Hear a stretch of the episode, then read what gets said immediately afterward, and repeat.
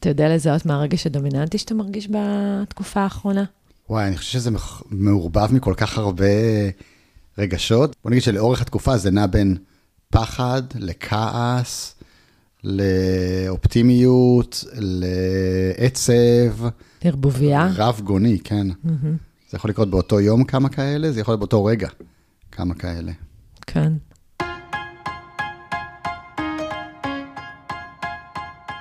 ברוכים הבאים לפודקאסט של מעלה בטוב, אני דנה רגב, מאמנת, יוצרת תוכן ומרצה. קרה כאן אסון, הממדים שלו בלתי נתפסים, הסיפורים האישיים מכווצים את הבטן, חודרים לדמיון. אנחנו מוצפים במידע, בעיקר טקטי, נמוטט, נסכל, נעקור, נשיב את ההרתעה, נשקם מאזן נעימה, נכריע, ואומרים לנו שאנחנו מאוחדים ושביחד ננצח, שעכשיו יורים, רק אחר כך חוקרים, וכמה זה מבלבל. כי ברור שאנחנו שותפים לכאב הנורא, וברור שחייבים להגן ולהשיב הרתעה, וגם נדמה שאנחנו שותפים לתחושה שמשהו מבקש תיקון. שאם זו המציאות, היא עוקבת אחרי רעיונות מקולקלים. אבל לא בטוח שאנחנו כל כך מאוחדים בתפיסות שלנו לגבי הקלקול או לגבי התיקון.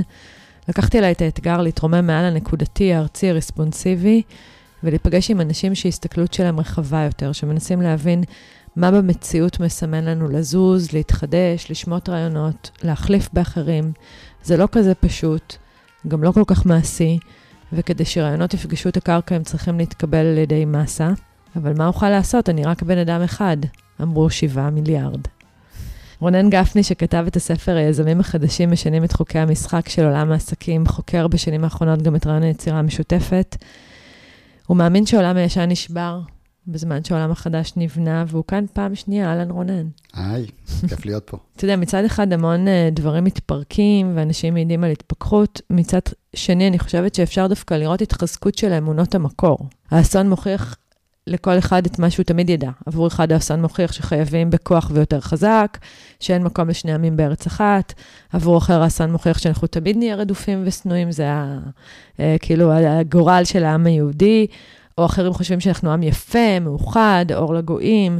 יש מי שרואה בכך הוכחה ניצחת שהממשלה הזאת מסוכנת וחייבת ליפול. יש שסבורים שקיבלנו עוד הוכחה לכך שרק שלום והסדר יבטיחו את ביטחוננו. אני מניחה שהרבה מאיתנו מאמינים בכמה מהאמונות שמניתי פה. מה המציאות הוכיחה לך שתמיד ידעת? אני חושב שמה שהיא הוכיחה לי הכי חזק, זה שהנרטיב המוביל של אה, נפרדות, ממשיך לתת את אותותיו אה, בעוצמות שלא הכרנו. זה הדבר הכי משמעותי שאני חווה כרגע. כן, אני חושבת שאנחנו שותפים, לכן אתה גם כאן, לתפיסה, ואנחנו עוד ננסה לצלול למה זה בכלל אומר נפרדות.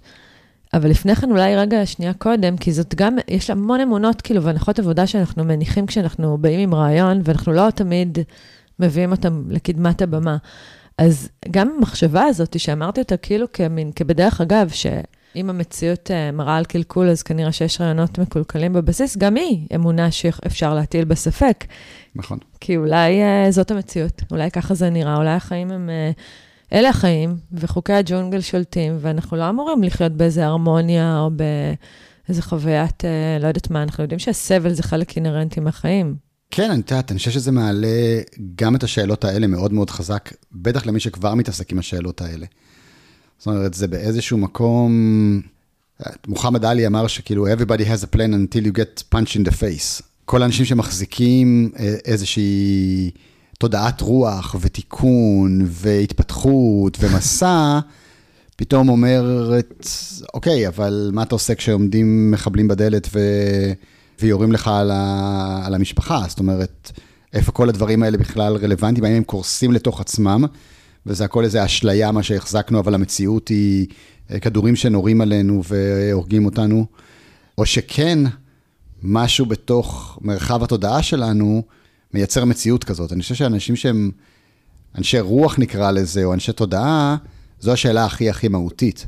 אני רואה חברים שלי אה, שהם מאוד אנשי רוח, ואת יודעת, אני בדרך לפה בשיחה עם אה, חבר שמעביר קורס בצלילים מרפאים, ואני מרצה אצלו שבוע הבא, ואנחנו מדברים על, על מה אנחנו הולכים לדבר, ומצד שני הוא כרגע בכיתת כוננות, ומספר לי שהוא הולך להביא אקדח בנוסף ל-M16 שיש לו מתחת למיטה. נורא מבלבל. כן. נורא מבלבל, נורא נורא מבלבל.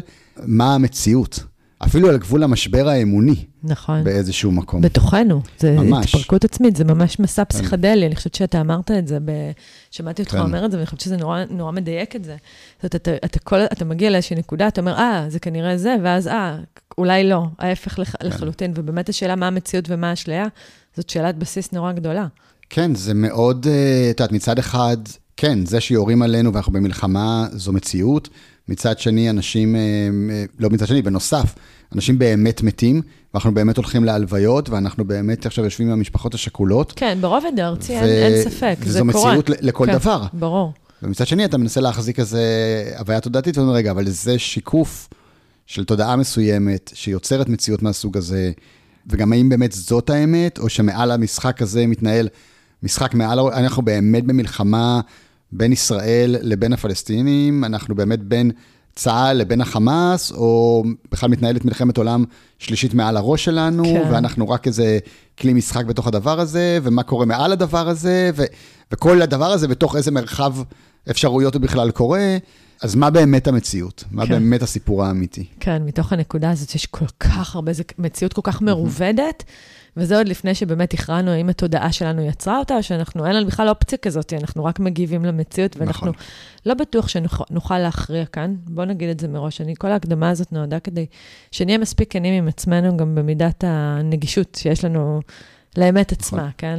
זה שאלות אה, הכרתיות. אבל אני כן הייתי רוצה שנביא את ההנחות אולי אה, יסוד שלך לגבי טבע האדם והעולם, נדמה לי שאנחנו שותפים שם, אני אשמח לשמוע אותך. מה, מה הם ההנחות שלך לגבי הטבע שלנו? יש פה איזושהי תנועה מעניינת. בין היותנו חיות על הכדור הזה, במידה מסוימת, ומשם הרבה פעמים אנחנו שואבים את האמונה שלנו לגבי מה טבע האדם, לבין איזושהי תפיסה רוחנית מסוימת. ואני חושב שאנחנו נמצאים באיזושהי פוזיציה מאוד מאוד מאוד ייחודית, כאיזה species, שיש לו תפקיד מאוד מעניין בתוך הדבר הזה. מצד אחד, אנחנו לא ברובד של החיות, שבעצם רוב ההתנהגות שלהם היא התנהגות ביולוגית. כן, אינסטינקטיבית, מגיבה. כן. מגיבה, פועלת על פי האינסטינקט החייתי שיש בהם, ואני חושב שגם ככל שאנחנו חוקרים יותר את עולם החי, אנחנו מבינים שזה לא עולם של מלחמה אינסופית. יש בכל זאת הבנה אקולוגית של מה קורה. את רואה שהאריות לא יאכלו את כל האנטילופות שבאזור, גם אם הם יכולים, גם אם יש להם את הכוח. אגב, הם גם לא יהרגו שלא לטובת אכילה. נכון. גם את זה צריך להגיד. בדיוק, אז כן. יש בזה איזושהי חוכמה אקולוגית מסוימת. יש בתוך המקום הזה גם את ההבנה של גלגל החיים. יש את המקום הזה שבו אני הנאכל ואני האוכל, ו...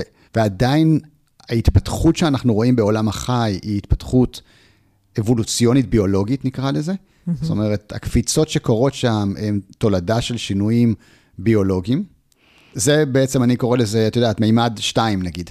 זה כזה מן העולם הזה שאתה פועל רק באמת על פי ה... שיש בנו אה, אותו, יש גם בנו יש לנו אותו, כי כן. אנחנו בחלקנו גם חיות. חיות. ומצד שני, את יודעת, יש את המימד הרביעי כזה, נקרא לזה, שזה עולם הרוח. ואם אנחנו קצת מחזיקים איזושהי מחשבה או הבנה שאנחנו, את יודעת, בסוף נחזור אל הבורא שלנו, כל אחד מה שזה הבורא שלו, ונהיה איזה נשמה שמסתובבת באיזה עולם שאין בו את הענוגות הגוף והחומר, ואין, את, ואין גם בצד שני את הסבל ואת הזה, אז גם שם זה סוג של עולם ש, שהוא מתנהג ברמה מסוימת קצת על פי האינסטינקטים החייתיים נקרא לזה, כי, כי שם אין את המחיר שאתה משלם על ההחלטות הלא נכונות שלך, נגיד ברמת הכואב לי, אני אהיה חולה או אני אפגע במישהו, כי אנחנו ברובד הנשמתי נקרא לזה. ואנחנו נמצאים באמצע, באיזשהו מקום בין, שלוש. בין לבין. כן. כן, אנחנו באיזה רובד שלוש כזה, מין. אנחנו גם מצד אחד במרחב הפיזי, אז אנחנו גם קצת חיות וגם כואב לנו וגם אנחנו צריכים לאכול. ואנחנו גם מחזיקים איזושהי הבנה תודעתית, רוחנית, גבוהה יותר, שמסוגלת להסתכל על מה אנחנו עושים ואיך אנחנו מתנהגים. ומשהו בתוך הסיטואציה המאוד מסוימת הזאת, ביחד עם מרחב של בחירה חופשית, בהנחה שאנחנו מסכימים שאנחנו במרחב של בחירה חופשית, משאיר בידינו את מרחב ההתפתחות, נקרא לזה. כן. שאנחנו יכולים לבחור להתעלות על הרובד החייתי שבנו, mm-hmm. להתחבר קצת לרובד הרוחני שבנו, ולקבל החלטות ממקום אחר. אני אפילו אולי אוסיף למה שאתה אומר, ש, שגם מי שלא מתחבר לרעיון של uh, רוח במובן הנצחי, mm-hmm. שאתה מניח כאן, מספיק להסתכל על, על באמת על הטבע שלנו, במובן הזה שיש לנו את היכולת לברום מציאות שהיא תוצר mm-hmm. של רעיון. נכון.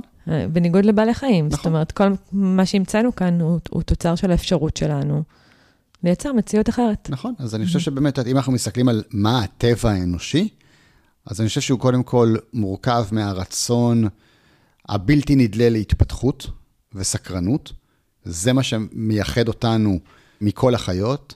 אני מדבר על זה המון בסדנאות והרצאות שאני עושה, ואני תמיד נותן את הדוגמה של, יש לי כלבה, כבר איזה חמש שנים מאיתנו, לא קרה ולו יום אחד שהיא קמה בבוקר עם איזו מוטיבציה חדשה. ל- לעשות משהו שהיא לא עשתה בימים הקודמים. היא לא ארגנה את כלבי השכונה והחליטה להרים איזה פרויקט למען אה, אחד מהם, והיא לא היה לה שום רעיון אה, יוצא דופן אה, לבנות משהו שלא היה קיים בבית לפני. זה מאוד אנושי, הרצון הזה להתפתח. אנחנו כל הזמן חוקרים ומחפשים ומתפתחים, אז זה, אני חושב, מאוד האופי האנושי. ואני חושב שגם הנושא הזה של שיתופי פעולה. זאת אומרת, בסופו של דבר, יותר ממה שאנחנו אה, זאב אוכל זאב, אנחנו זן שמשתף פעולה. זאת אומרת, היכולת שלנו בכלל לבנות את כל המציאות הזאת שדיברת עליה כרגע, מבוססת על היכולת שלנו לשתף פעולה, היכולת שלנו בכלל לתקשר מציאות מדומיינת, להמציא שפה שבאמצעותה אנחנו יכולים לתקשר עתיד מדומיין, וליצור ביחד כתוצאה מזה דברים. אנחנו כבני אדם הבאנו את זה לסקייל הגדול, בי... הרחב ביותר. זאת אומרת, מה שאנחנו יצרנו על הכוכב הזה בזכות היכולת שלנו לתקשר אחד עם השני, הוא חסר תקדים. נכון. ואני חושב שיש עוד אלמנט אחד, וזה האלמנט של הבחירה החופשית. אנחנו בעצם היצור עם ספקטרום הבחירה החופשית הרחב ביותר על הכוכב. אנחנו יכולים לנוע הכי רחוק על קצוות הספקטרום ולהחליט להיות כל מיני דברים שלא נועדנו ביולוגית להיות. זאת אומרת, טווח ההתפתחות שלנו הוא הרבה מעבר למוגבלות הביולוגית שלנו. וזה הקסם בעיניי של החוויה האנושית. ועל זה צריך להסתכל. אני חושב שזה המשחק פה. כן. המשחק של הבחירה החופשית. אתה אמרת משהו מאוד חשוב לגבי ההתפתחות, שזאת מן הסתם אה, אחת ממטרות העל שלנו כבני אדם, לצד הצורך להשתייך והישרדות שלנו, הנושא של שיתוף פעולה. כיוון שבאמת זה נכון, אנחנו מדברים על מה, במה התחד... או באיזה אופן הרעיונות שאנחנו, אה, נגיד, אה, ממציאים, יכולים להתממש במציאות עצמה, זה תמיד פונקציה של שיתוף פעולה. זאת אומרת, שום דבר שהאדם יצר, כולל היכולת שלו להגיע לראש שרשרת המזון, לא קרה בזכות היותו יחיד. נכון. אלא דווקא בזכות החיבוריות הקבוצתית שלנו. נכון. אז אולי נגיד על זה מילה, כי אנחנו לא חיים בתרבות כזאת, ותכף נאפיין את המודל שאנחנו חיים בתוכו. נכון. כי לא נכון. תמיד אנחנו שואלים את השאלות האלה, אבל לפני כן רגע, אני חושבת שגם אתה וגם אני למדנו אצל דוקטור דניאל נווה, נכון, על צעדים לקטים. ואני אספר רגע על המוטיבציה שלי, ואולי נגיד על זה כמה מילים.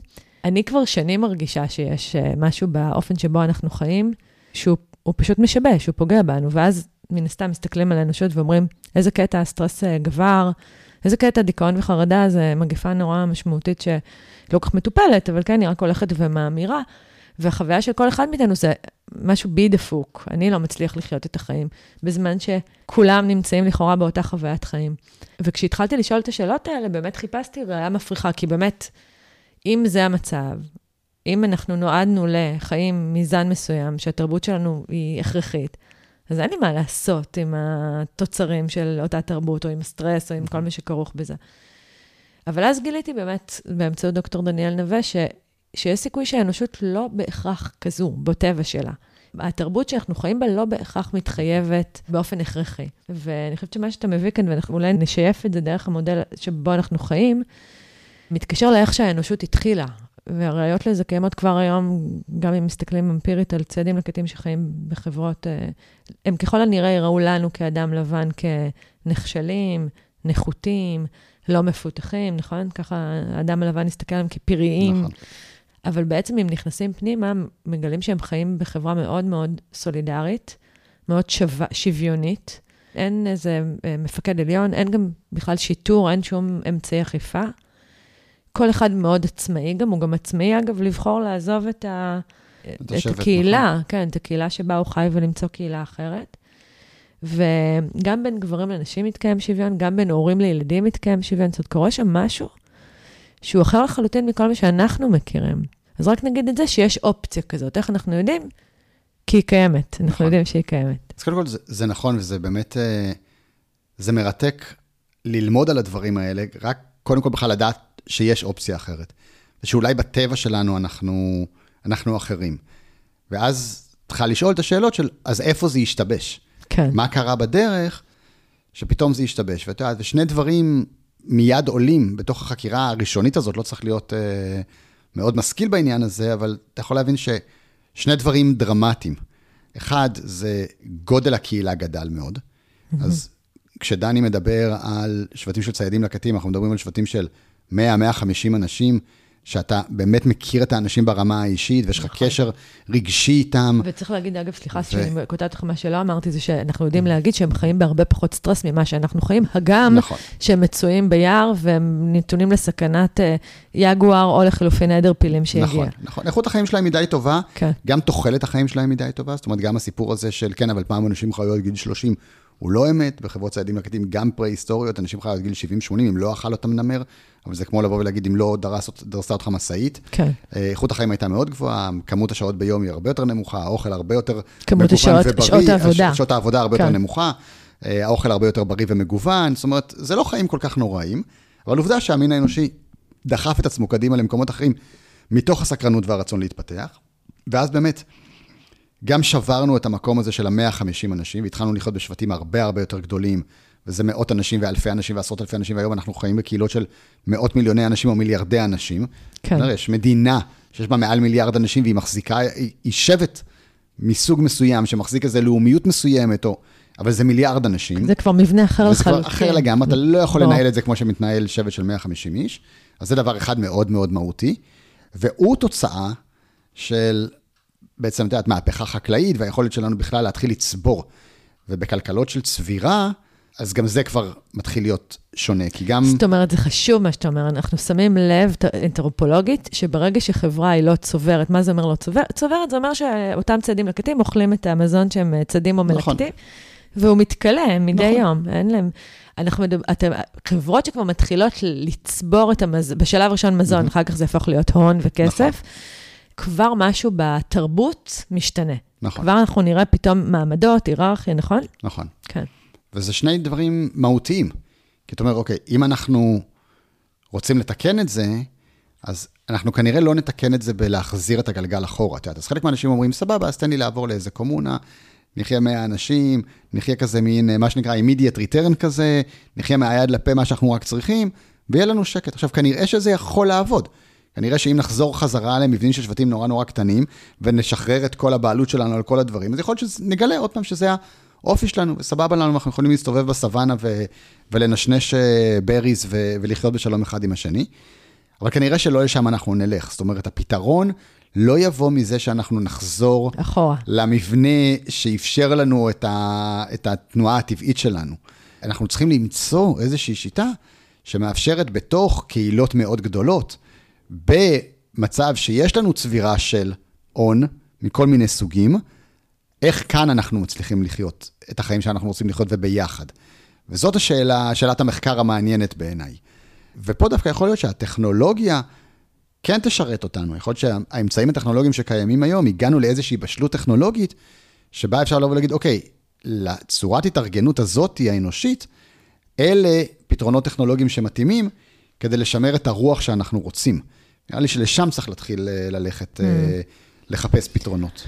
אנחנו מניחים כאן איזושהי, קודם כל, הנחה שעדיין לא דיברנו אותה עד הסוף, שיש כאן, אנחנו הרי מדברים כאן על איזשהו אסון נקודתי שקרה במדינת ישראל בשנת 2023. איכשהו הגענו לצעדים כן. נקטים, דיברנו על...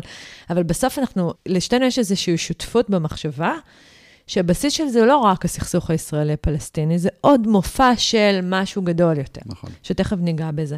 ואנחנו אומרים, אוקיי, אנחנו מתחילים להניח את האפשרות שיש עוד אופציות לחיים. לדוגמה, במופע הזה, במרכאות של צעדים לקטים, שאנחנו יכולים לראות שם סולידריות, שיתוף פעולה, קהילה שהיא שוויונית, שיש בה אלמנט של עצמאות.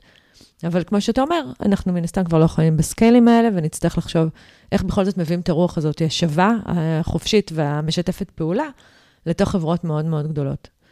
חסרה עוד חוליה. קודם כל, למה שנעשה את זה, וב', מה באמת קורה במודל הנוכחי, ואיך אנחנו מקשרים את מה שקרה למודל הנוכחי. אז אולי כדאי לאפיין רגע את... אנחנו לא חיים כמו צעדים לקטים, רחוק כן. מזה אפילו. אז uh, אני רוצה קצת לחזור, לה, או לקחת אותנו רגע לתחום דווקא העסקי, כי אני חושב שמשם אפשר טיפה יותר להבין, כי בתחום הפוליטי, לאומי, דתי, אנחנו נורא נורא טעונים.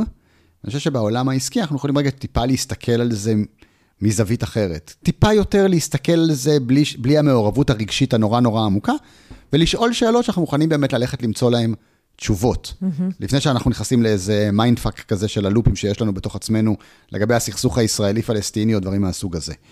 את יודעת, אני הרבה מאוד שנים בתוך העולם הזה של היזמות והעסקים, מנסה להראות שאפשר להסתכל על דברים אחרת. אז בסוף, כשאת מסתכלת על כל העולמות סכסוכים האלה, אנחנו שואלים את עצמנו, למה אנחנו רבים אחד עם השני? כן. על מה, מה, מה חסר לנו, בסופו של דבר. כי כן. זה, משהו צריך להדליק את זה. מה זה המשאב הזה שאנחנו כן. נלחמים עליו? משהו, משהו מדליק אותנו בעניין הזה. וככל שאני חוקר יותר את העניין הזה, אז אני בכלל הסתכלתי עליו קודם כל מהעולם העסקי. אני אומר, אוקיי, גם שם קיימת אותה התנהגות. קיימת התנהגות של עולם תחרותי. אנחנו משום מה מוכנים לקבל התנהגויות מסוימות במרחב הכלכלי-עסקי, שאנחנו לא מוכנים לקבל במרחבים אחרים. אנחנו כבר לא מוכנים לקבל הורים צועקים על הילדים שלהם אה, כחלק מתהליך חינוך, זה לא נראה לנו הגיוני, בטח לא מכים אותם. אבל תקחי רגע את הדבר הזה ותשימי את זה בקונטקסט עסקי, אז את יכולה לראות לגמרי בוס צועק על, על עובדים שלו, כאילו הם חייבים לו משהו. זה נראה לנו פתאום הגיוני. זה לא נראה לנו... אגב, אנחנו גם מאוד מעודדים את הרעיון של תחרות, נכון? כאילו, אנחנו... לגמרי. באמת, אנחנו חושבים שזה נהדר, תכונה נפלאה. נכון. כן. כתוצאה מזה, אנחנו מנרמלים הרבה התנהגויות שבסיטואציה אחרת, או בהקשר אחר, לא היו נראות לנו הגיוניות.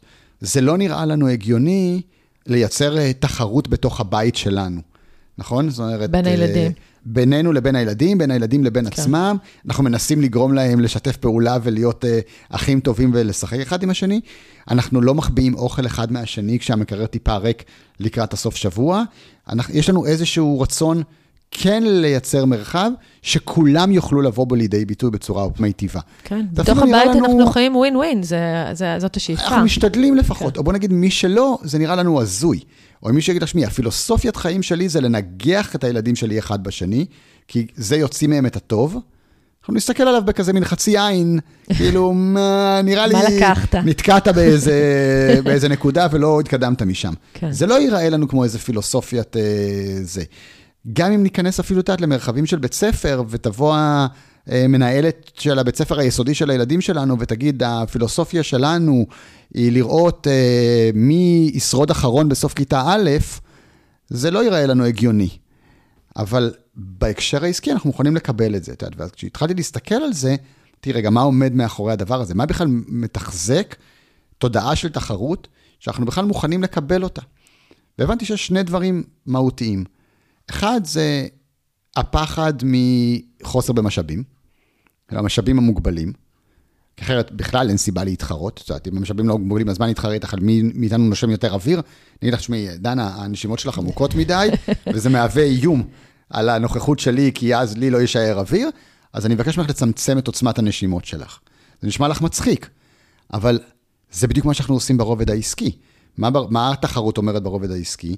הצלחה שלך מסכנת אותי. שלי, כן. מסכנת אותי, אפילו כן. אם היא לא כישלון, היא מסכנת כן, אותי. כן, היא מאיימת עליי. ביטוי עצמי מלא שלך בעולם, פוגעת בביטוי העצמי המלא שלי בעולם. אז בבקשה תנשמי קצת פחות. בסדר, אז בעולם העסקי זה תרוויח פחות כסף, זה יהיה לך פחות לקוחות, זה אני עסוק ב...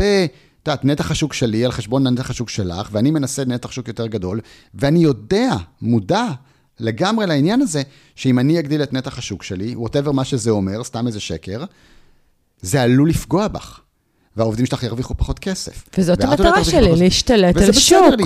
אפילו כן. אם זאת לא המטרה שלי, זה בסדר לי. אז אחד אתה אומר, אוקיי, אם יש מחסור במשאבים, אז אולי זה הגיוני. אוקיי, או שאני אחיה, או שאת תחי. שם אנחנו מהר מאוד רצים לטבע. אומרים, כן, אבל יש, אה, אה, יש שטח מחיה, ויש אה, כמות אה, אנטילופות מסוימת, ואנחנו צריכים לריב בינינו על הדבר הזה. למרות שאנחנו לא רואים ריבים, ואנחנו גם לא רואים הרבה חיות שמשמידות את בני מינן. כדי לזה, אנחנו רואים אולי מאבקים פה ושם על כן, הדבר אנחנו הזה. כן רואים, אבל נגיד חברה קופ- קופית שהיא לגמרי. מאוד- שהיא מאוד מאוד אה, משתלטת היררכית, ורבה. ויש מספר נכון. אלפות מצומצם שמחזיקים ברוב המשאבים. לגמרי, והם גם יריבו עם, עם שבט אחר של קופים, על טריטוריה מסוימת, כן. ואז אתה אומר, רגע, אבל כאן נכנס מה שדיברתי מקודם על ה-level 2 ו-level 3, האם אנחנו מסוגלים באמצעות המודע שלנו להתגבר על התנועה הכביכול אוטומטית חייתית הזאת, ולהגיד, רגע, מה שאנחנו יכולים לראות, שהם לא יכולים לראות, זה שהכוכב הזה מאוד גדול. ומה שאנחנו הצלחנו לעשות, שהם לא הצליחו לעשות, זה לנוע על כולו. אז מה חסר לנו? שטח מחיה? לא חסר שטח מחיה באמת בעולם. לא חסרים משאבים אמיתיים. אפילו לא מזון. את זה אפילו אנחנו לא כבר מזון. יודעים בוודאות, נכון? לא שהם- מזון, אין- אין באמת ולא רעב. מקום, כן. ולא משאבי טבע, ואז אתה גם אומר, אוקיי, ואפילו אם, ואפילו אם יש, כאילו, בעיה של ואגב, משאבים. Mm. ועל, ועל נשים בלאו הכי אין תחרות שלו, כמו בעולם הטבע, נכון? נכון. לכל גבר, זה, זה כן. בלאו הכי קועקע, התחרות הזאת, יש אישה. נכון, אז על מה נשאר להתחרות? בדיוק. ואז אתה אומר, ואפילו אם יש, אפילו אם יש בנקודות מסוימות מחסור במשאבים, זה לא תנאי מספיק לתחרות. התנאי השני שמתחייב כתוצאה מזה, זה שגם לא מספיק אכפת לך מהאחר. כי גם אם בתוך המשפחה שלנו יש מחסור במשאבים, אז אנחנו נירתם. תראי מה קורה היום במדינה שלנו. כל מה שאנחנו רואים זה מופע של מחסור במשאבים. אז את אומרת, אוקיי, אז אם מה שאנחנו פתאום חווים זה עוצמה יותר גדולה של מחסור במשאבים, מה שאנחנו אמורים לראות זה חיילים נלחמים אחד עם השני על אוכל. אנחנו צריכים לראות את המפונים מעזה אה, משתלטים באלימות על בתים של אנשים אחרים במרכז הארץ כי אין להם איפה לגור. אנחנו אמורים לראות אה, אנשים בסופר רבים אחד עם השני כי עוד שנייה לא יהיה אוכל וכל אחד רוצה להאכיל את החייל הפרטי שלו, אבל אנחנו לא רואים את זה. רואים ההפך. רואים ההפך. כן. למה? כי אכפת לנו אחד מהשני. ואז אתה אומר, אוקיי, אז עד כמה הזום אאוט של האכפת נוכח כרגע בעולם? אז אני יכולה רגע להפריע לך? אתה שואל, אז מה בעצם אנחנו מתחרים? הרי לוגית אין באמת סיבה. יש כאן את, את, את כל האופציות, מבח... המחשבה, או חוק ראשון בכלכלה, שבעצם אנחנו סובלים ממחסור, נכון. אולי, אולי שווה לאתגר אותה. אבל אז אני אבוא ואגיד משהו פסיכולוגי, לא, התחרות שקורית כאן היא לא קורית על משאבים, היא לא- היא בכלל לא על משאבים במובן החיצוני, על המשאב הכי חשוב, היא על המעמד שלי, על תחושת הערך שלי, היא על כמה אני שווה בחברה. והיום, בחברה שבה אני חיה, כדי שאני אחשב שווה, אני צריכה להראות לך שאני יותר בזה, זה וזה. ואתה צודק, לא בכל התחומים אנחנו נעשה שם, ניאבק שם. להפך, יהיו מקומות שבהם אני אפילו אתחרה, וגם זה, אם תסתכל עכשיו על מה שקורה סביבנו, יש איזו תחרות סמויה, מי תורם יותר, מי נותן יותר, כמה שעות, נכון, נכון? זה, נכון, זה נמצא שם ברקע. נכון. באמת ברמה, ברמה הפסיכולוגית, מה שקורה זה שלקחנו משהו שהוא באמת טבוע בנו, וזה הנבדלות בינינו, תחושת הנבדלות בינינו. כדי להרגיש שאני בעל משמעות, אני מחזיק נבדלות מסוימת. האגו ששומר עלינו, לדעת שאנחנו, אני זה לא את ואני זה לא המיקרופון הזה, והפכנו אותו לנפרדות. ואני חושב ששם פספסנו, ואני חושב ששם תמונה הקפיצה התודעתית שאנחנו מסוגלים לעשות. זאת אומרת, אנחנו מצד אחד מבינים שיש תחושה של נבדלות בינינו. אנחנו לא אותו דבר. מה שיוצר לנו את, את ה-sense of self הזה, המי אני, עם הערך העצמי שלי ועם התפקידי בעולם ומה כל הדבר הזה. אבל אנחנו חיים בתוך חברה שבעצם יצרה לנו מצב שהגדרת הנפרדות שלנו היא באמצעות נבדלות, או היא באמצעות הבעלות שלנו על דברים חיצוניים. ואנחנו עסוקים כל החיים שלנו בלייצר את הבעלות הזאת כדי לייצר את תחושת הערך העצמי. עכשיו, אם אני זה האוטו שלי, ועכשיו את קונה אוטו כמו שלי, אז מי אני? אז עוד פעם אין בינינו נבדלות. כי אנחנו אותו דבר, יש לנו את אותו אוטו, אז אני צריך לייצר את הנבדלות בדרך אחרת. אנחנו עושים את זה רק באמצעים חיצוניים. כי מה אנחנו מניחים? שמה, שבסוף מישהו יודח? שזה ריאליטי? ש... לא, כי אני פשוט צריך להגדיר לעצמי מי אני בעולם. Mm-hmm. עכשיו, איך אני אגדיר לעצמי בעולם, אם, מי אני בעולם, אם אנחנו לובשים את אותו בגד, ונוסעים באותה מכונית, וגרים באותו בית, אז, אז מי אני שהוא לא את? למה, למה אני חשוב? אתה יודע, זה נורא מצחיק, אתה אומר את זה, ואני חושבת שאם כאילו חייזרים היו מגיעים לכאן ומסתכלים עלינו, אנחנו ממש נראים אותו דבר. נכון. ומתנהגים אותו דבר. נכון. אבל עם איזושהי נכון. חוויה כאילו ייחודית. כי, ו... כי אנחנו היום כבר, בגלל הדבר הזה, כן. הגענו לאיזשהו רצון שמצד אחד אנחנו מנסים לייצר איזושהי אינדיבידואליות, מצד שאנחנו מייצרים את האינדיבידואליות הזאת באמצעות זה שאנחנו קונים מותגים שיש לכולם, שאומרים לנו שאנחנו מיוחדים. אז יצרנו איזה משחק מעוות כזה בתוך הדבר הזה, אבל בסוף למה? כדי שאני בסוף יבוא ויגיד, אני משמעותי. אני שווה. אני שווה, יש לי ערך בעולם, אני לא כן. אחד מעוד מיליארדים, ואני דיספוזיבול. אני לא סתמי, כן. נכון? ומה שאני מזמין אותנו זה להסתכל על זה מזווית אחרת. את יודעת, לא מהבעלות שלנו על דברים, אלא על ההתבוננות הפנימית, על המסע המיוחד של כל אחד מאיתנו בעולם הזה.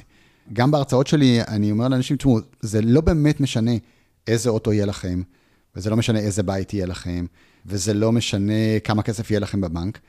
כל זה לא יאפשר לכם never ever ever לעשות את רונן יותר טוב מרונן. לא יעזור לכם כלום. רק אני יכול לעשות אותי, ורק דנה יכולה לעשות את דנה. זה לא משנה, על מה שאני לא אייצר בעלות, אני לא אוכל לעשות את תפקידך בעולם יותר טוב ממך. נכון. יש לך דרך מסוימת לעשות את מה שאת עושה. יש לכל אחד מאיתנו את הסיפור הפרטי מאוד שלו, את הכישורים שלו, את הכישרונות שלו, את סיפור החיים ושם שלו. ושם אנחנו גם מקבלים את הז'יטונים האלה של תחושת ערך מאוד גבוהה, בדיוק, אגב. בדיוק. כן. אז אם היינו מכוונים את הזרקור פנימה, והיינו אומרים, מה שמייצר את תחושת הנפרדות שלי, הנבדלות שלי בעולם, ה-sense of self הזה בעולם, זה מי אני, זה האוסף הנורא נורא ייחודי של מי שהוא אני. ואם נצא מנקודת הנחה שאף אחד מאיתנו לא הונח פה על, ה, אה, על הכדור בטעות, אף אחד הוא לא דיספוזיבול, זה לא סתם. ואם נניח עוד הנחת בסיס אחת, זה שיש מספיק לכולם כדי שכל אחד יוכל לממש את דרכו בתוך הכוכב הזה, או אפילו אם אין מספיק לכולם, אנחנו לפחות ננסה לעזור אחד לשני לממש את זה, אז אנחנו פתאום רגע, המון המון מתח יורד. כמה רעש ובלאגן אנחנו צריכים לעשות מסביב, במקום פשוט לאפשר לכל אחד מאיתנו לעשות את דרכו בעולם, ולמצוא איזשהו מנגנון שיטפל בסטיות. כי אנחנו עדיין במרחב בחירה חופשית, ובסוף יהיו אנשים שירצו לפגוע באנשים כי הם לוקחים את חופש הבחירה לקיצוניות, זה המשחק פה. כן. אבל במקום לטפל בזה, הפכנו את כל המשחק לזה. לכזה. לכזה. ל greedy ול... כן. אז רגע, אני רוצה רגע לשקף את מה שאתה אומר. בעצם אתה אומר, התחרות הזאת, שאנחנו לא רואים אותה בכל מרחב, כי יש mm-hmm. מרחבים שהאכפתיות שלנו וה inter-connection, כי בסוף נכון. האנושיות היא inter-connection. נכון. זה מה שהיא. מתוך הדבר הזה, התחרות הזאת שנמצאת בזירות מסוימות, היא לא בהכרח כי זה הטבע שלי, היא כי הטבע שלי, בראש ובראשונה, הוא לוודא שאני שווה, שאני לא מיותרת. ובתוך החברה שבה אני חיה, למדתי שהדרך להוכיח שאני שווה ולא מיותרת, היא באמצעות זה שאני אוכיח שאני יותר ממך. ויותר ממך יבוא לידי ביטוי בהרבה מובנים בבעלות שיש לי, בפוזיישן שיש לי, באיזשהו סמלי סטטוס שאני מחזיקה בהם. ואתה אומר, אם בסוף המטרה, המשאב שאנחנו עובדים עליו זה תחושת ערך, יש עוד דרך להשיג את הז'יטונים האלה, אולי אפילו יותר ישירה ופחות אה, הרסנית, פחות פוגענית. לגמרי. והיא קשורה ב... אה, וגם יותר סוסטיינבל. כן. כי ברגע שאני מחזיק את תחושת הערך שלי ממי שאני בעולם ומהדרך שאני עושה בעולם, הרבה יותר קשה לקחת את זה, מאשר לקחת לי את האוטו, או את האדמה, או את האלוהים. כי זה באמת שלי, עם זה נולדתי. נכון. זה התפקיד נכון. שלי פה. מה מייחד אותי? זה מסע, אגב, לשאול את השאלה הזאת, של לנסות להבין, זה לא משהו שקל להגיע אליו. נכון. וואו, אנחנו אומרים המון המון דברים, אני רוצה רגע להתאגן חזרה. אתה יודע, אנחנו מדברים במושגים, אנחנו נשמע סביבנו עכשיו המון, אה, חשוב שנתאחד. אה, אותי זה אישית קצת מעצבן, כי אני חושבת שבבסיס אתה ואני מאמינים כבר באחדות. למה אני מתכוונת שאני אומרת אחדות? לזה שאנחנו באמת מחוברים, ואני חושבת שהפיזיקה הקוונטית אפילו מעגנת את הרעיון הזה ומוכיחה אותו. כשאני פוגעת בך, אני פוגעת בי. נקודה. כשאני פוגעת נכון. בעץ, אני פוגעת בי. אגב, ציידים לקטים, אמרנו קודם, באמת, תפיסת הקוסמוס שלהם היא כזאת שהם, כל מה שהם רואים סביבם הוא עוד אפליקציה של אותו דבר. נכון. אין הבדל בינם לבין העץ, בינם לבין הפיל, בינם לבין האריה, או בינם לבין החבר או הילד שלהם או אחותם. נכון. אנחנו חיים בתרבות קצת אחרת, תכף אתה תאפיין אותה. אבל אמרתי את זה כדי להגיד שאני חושבת שעושים שימוש מאוד uh, ציני במילה אחדות. כי כשאומרים אחדות, אומרים משהו כמו, תסתמו. כן. או אל תשאלו שאלות. וזאת לא באמת אחדות. נכון. כן, זה, זה כרגע סיסמה מאוד, אה, מאוד ריקה. היא סיסמה שמונעת מאיתנו להתבונן על, על המערכת שבאמת בנינו, ולהיות מסוגלים לייצר בה ריפוי ותיקון. זה בעצם המערכת מגינה על עצמה, מפני ההסתכלות שלנו עליה. נכון, זה לגמרי המערכת מגינה על עצמה, mm-hmm. מרדימה אפילו אותנו ברמה מסוימת. זה כמו לבוא ולהגיד, זה לא הזמן עכשיו ל... כן, ואגב, אה, הנה, בדיוק חשבת על הסנטימנט הזה של אכפת לנו אחד מהשני, נכון. שאנחנו רוצים להיטיב, שאנחנו כואבים את הכאב של אחינו. נכון. אז אתה אומר, לא לטעות שם, זאת לא באמת אחדות. נכון, נכון. זאת לא באמת אחדות, כי באמת אין שם את הפעולות שמייצגות אחדות. יש הרבה מילים, אבל בפועל, כשאת מסתכלת על הפעולות שנעשות, הן לא פעולות של אחדות. הן עדיין פעולות שמתחזקות נפרדות, הן עדיין פעולות שמחזקות אה, תחרות. הן עדיין פעולות שמחזיקות אה, סכסוך אפילו, והמון המון שמירה על העצמי. זאת אומרת, זה אין התגייסות אמיתית, אפילו שימוש ציני מסוים בדבר הזה, כי אנשים שמתגייסים באמת, הם אלה שמשלמים את המחיר, ואנשים שקוראים ללהתאחד, שומרים מאוד על האינדיבידואליות שלהם בעניין הזה, ושומרים על הכוחות שלהם, והם פחות נפגעים כתוצאה מזה. יש להם את האימפלה לעצמם. כן, כן. כן. אז בוא, אי אפשר להתחמק מזה, הגענו לשם. בעצם זה דורש מאיתנו להתחיל רגע להסתכל פנימה על המודל שלפיו אנחנו חיים. אנחנו אמרנו, אנחנו לא צעדים לקטים, אנחנו חיים בסקיילים. הסיפור של תחרות מאוד מאוד נוכח. בוא נלך עם זה צעד אחד אה, ממש, כאילו, להוריד את זה לרזולוציות. מה מאפיין את המודל שאנחנו חיים על פיו? אז קודם כל, אחד, אחד זה, אני חושב, מה שכבר דיברנו, הנושא הזה שאנחנו חיים באיזושהי תודעה של מחסור. והיא מתוחזקת באמצעות תודעה של נפרדות, ואז היא כל, כל הזמן מייצרת מלחמה. זה דבר ראשון. כן, אז רגע, את זה אני עוצרת אותך, כי אתה אמרת, נתת אנלוגיה מעולה קודם, אמרת אבא ואימא, שינגחו את הילדים שלהם אחד בשני, יראו לנו קצת אה, הזויים. נכון. אולי אפילו גם כאלה שאנחנו זקוקים להתערבות, נכון? טיפולית, לא עושים את זה. נכון. ההשוואה הזאת היא חשובה. אתה בעצם רומז על זה שזה מה שעושים לנו. כן. שאנחנו, אני... יש לנו אבא ואימא שמנגחים אותנו אחד בשני. יש לנו עוד אבא ואימא שכביכול בחרנו. כן. שמנגחים אותנו אחד בשני. זה אפילו לא יכול להגיד, טוב, זה המשפחה שנולדתי אליה, מה אני יכול לעשות? אני אגדל, אני אצא מה, מה, מהבית, אני אתנהג אחרת. אבל עדיין אנחנו חווים אותם קצת כאבא ואימא עדיין, נכון? נכון. קשה מאוד לאנשים לחשוב עליהם במושגים אחרים. נכון. אנחנו אומרים, הם, מתכוונים למי? אז מבחינתי זה כל צורת שלטון. ובואי לא נטעה, זה לא, הבעיה היא לא באנשים. הבעיה היא בשיטה שמושכת אנשים מסוימים בסופו של דבר. Mm-hmm. וזה לא משנה אם זה בישראל או בכל מקום אחר. בסופו של דבר, מנגחים אותנו, אחד בשני. מנגחים אותנו אה, דתיים בחילוניים, ימנים בשמאלנים, יהודים במוסלמים, ישראלים בפלסטינים, רוסים באוקראינים. אה, למה? מה מרוויחים מההתנגחות הזאת? מה שמרוויחים זה כוח ושליטה. בסופו של דבר. אתה יודע, הפרד ומשול זה נראה לי העמוד הראשון בספר של... אה, לשולט הצעיר. הכוח שלנו כאנושות הוא, הוא באחדות שלנו. זאת אומרת, לרצון שלנו, לפי דעתי, את יודעת, בקריאה הנשמתית, הרצון שלנו לחיות בשבטים הולכים וגדלים, הוא כדי לחזק את כוחנו. זאת אומרת, ככל שתהיה מסה גדולה יותר של אנשים שמסוגלת לשתף פעולה בינה לבין עצמה, אנחנו מעצימים את, כוחו, את כוחנו. שזה אגב, במקור היה שלנו. רעיון של הופס למדינה מודרנית, כן. צריך להגיד את זה. זאת אומרת, המקור היה, אנחנו חוש... אחרת ישראל מתחמשת. נכון. שזה פתאום נהיה קמפיין מאוד הזוי. היא מלא. ממש, כאילו אקדח במערכה ראשונה. כן. אז המטרה, שכשאופס דיבר על מדינה, מדינה מודרנית, היה בדיוק הפוך, כדי שאני לא אצטרך להגן נכון. על עצמי, ולהיות מאוימת על ידי השכן שלי, ולצאת כל הזמן עם איזו אה, דריכות כזאת מוגברת. אני מניחה שאם אני אעביר את המנדט שלי לריבון, היכולת של כולנו להגן על עצמנו ביחד טובה יותר מאשר נכון. אני עליי. שאני אוכל לעבוד בשדה ובינתיים מישהו ישמור לי על הגבולות של השדה, אבל באיזשהו שלב נהיה יותר מדי כוח בידיים של אותם אנשים שנתנו להם את הכוח. כי פשוט צברנו כוח, יצרנו עוד דברים. אז זה משהו אחד, אם אני רק זה שאחראי לשמור על התבואה שלנו מהשלושה חודשים האחרונים ולוודא שאף אחד לא יפרוץ לי לאיזה מחסן, ובוא נגיד כרגע אולי אפילו רק הח... נשמור מהחיות, לא אפילו, אין אנשים רעים בעולם, ולאט לאט ככל שייצרנו יותר וצברנו יותר, אז גם מי שמקבל את היכולת לקבל את ההחלטות על, על הביטחון שלנו, מחזיק הרבה הרבה יותר כוח. ואז בסופו של דבר, אנחנו מגיעים למצב שהעמדות האלה מחזיקות בפוטנציאל עם כל כך הרבה כוח, שימשכו לשם אנשים שמה שמושך אותם זה הכוח הזה. וכשנמשכים אנשים למקום שיש בו הרבה מאוד כוח, זה אנשים שמוכנים להפעיל ולהשתמש בכוח הזה. אז הם מוכנים להשתמש בו גם עבור בסופו של דבר כנגד האנשים שנתנו להם את הכוח הזה. כי אתה רוצה יותר לשמר על העמדה, מאשר על האינטרס של האנשים שנתנו לך את הכוח. וזה, mm-hmm. וזה מעגל מאוד, אה, מאוד מורכב, כן. מאוד tricky. ממש. אין בה מספיק איזונים ובלמים.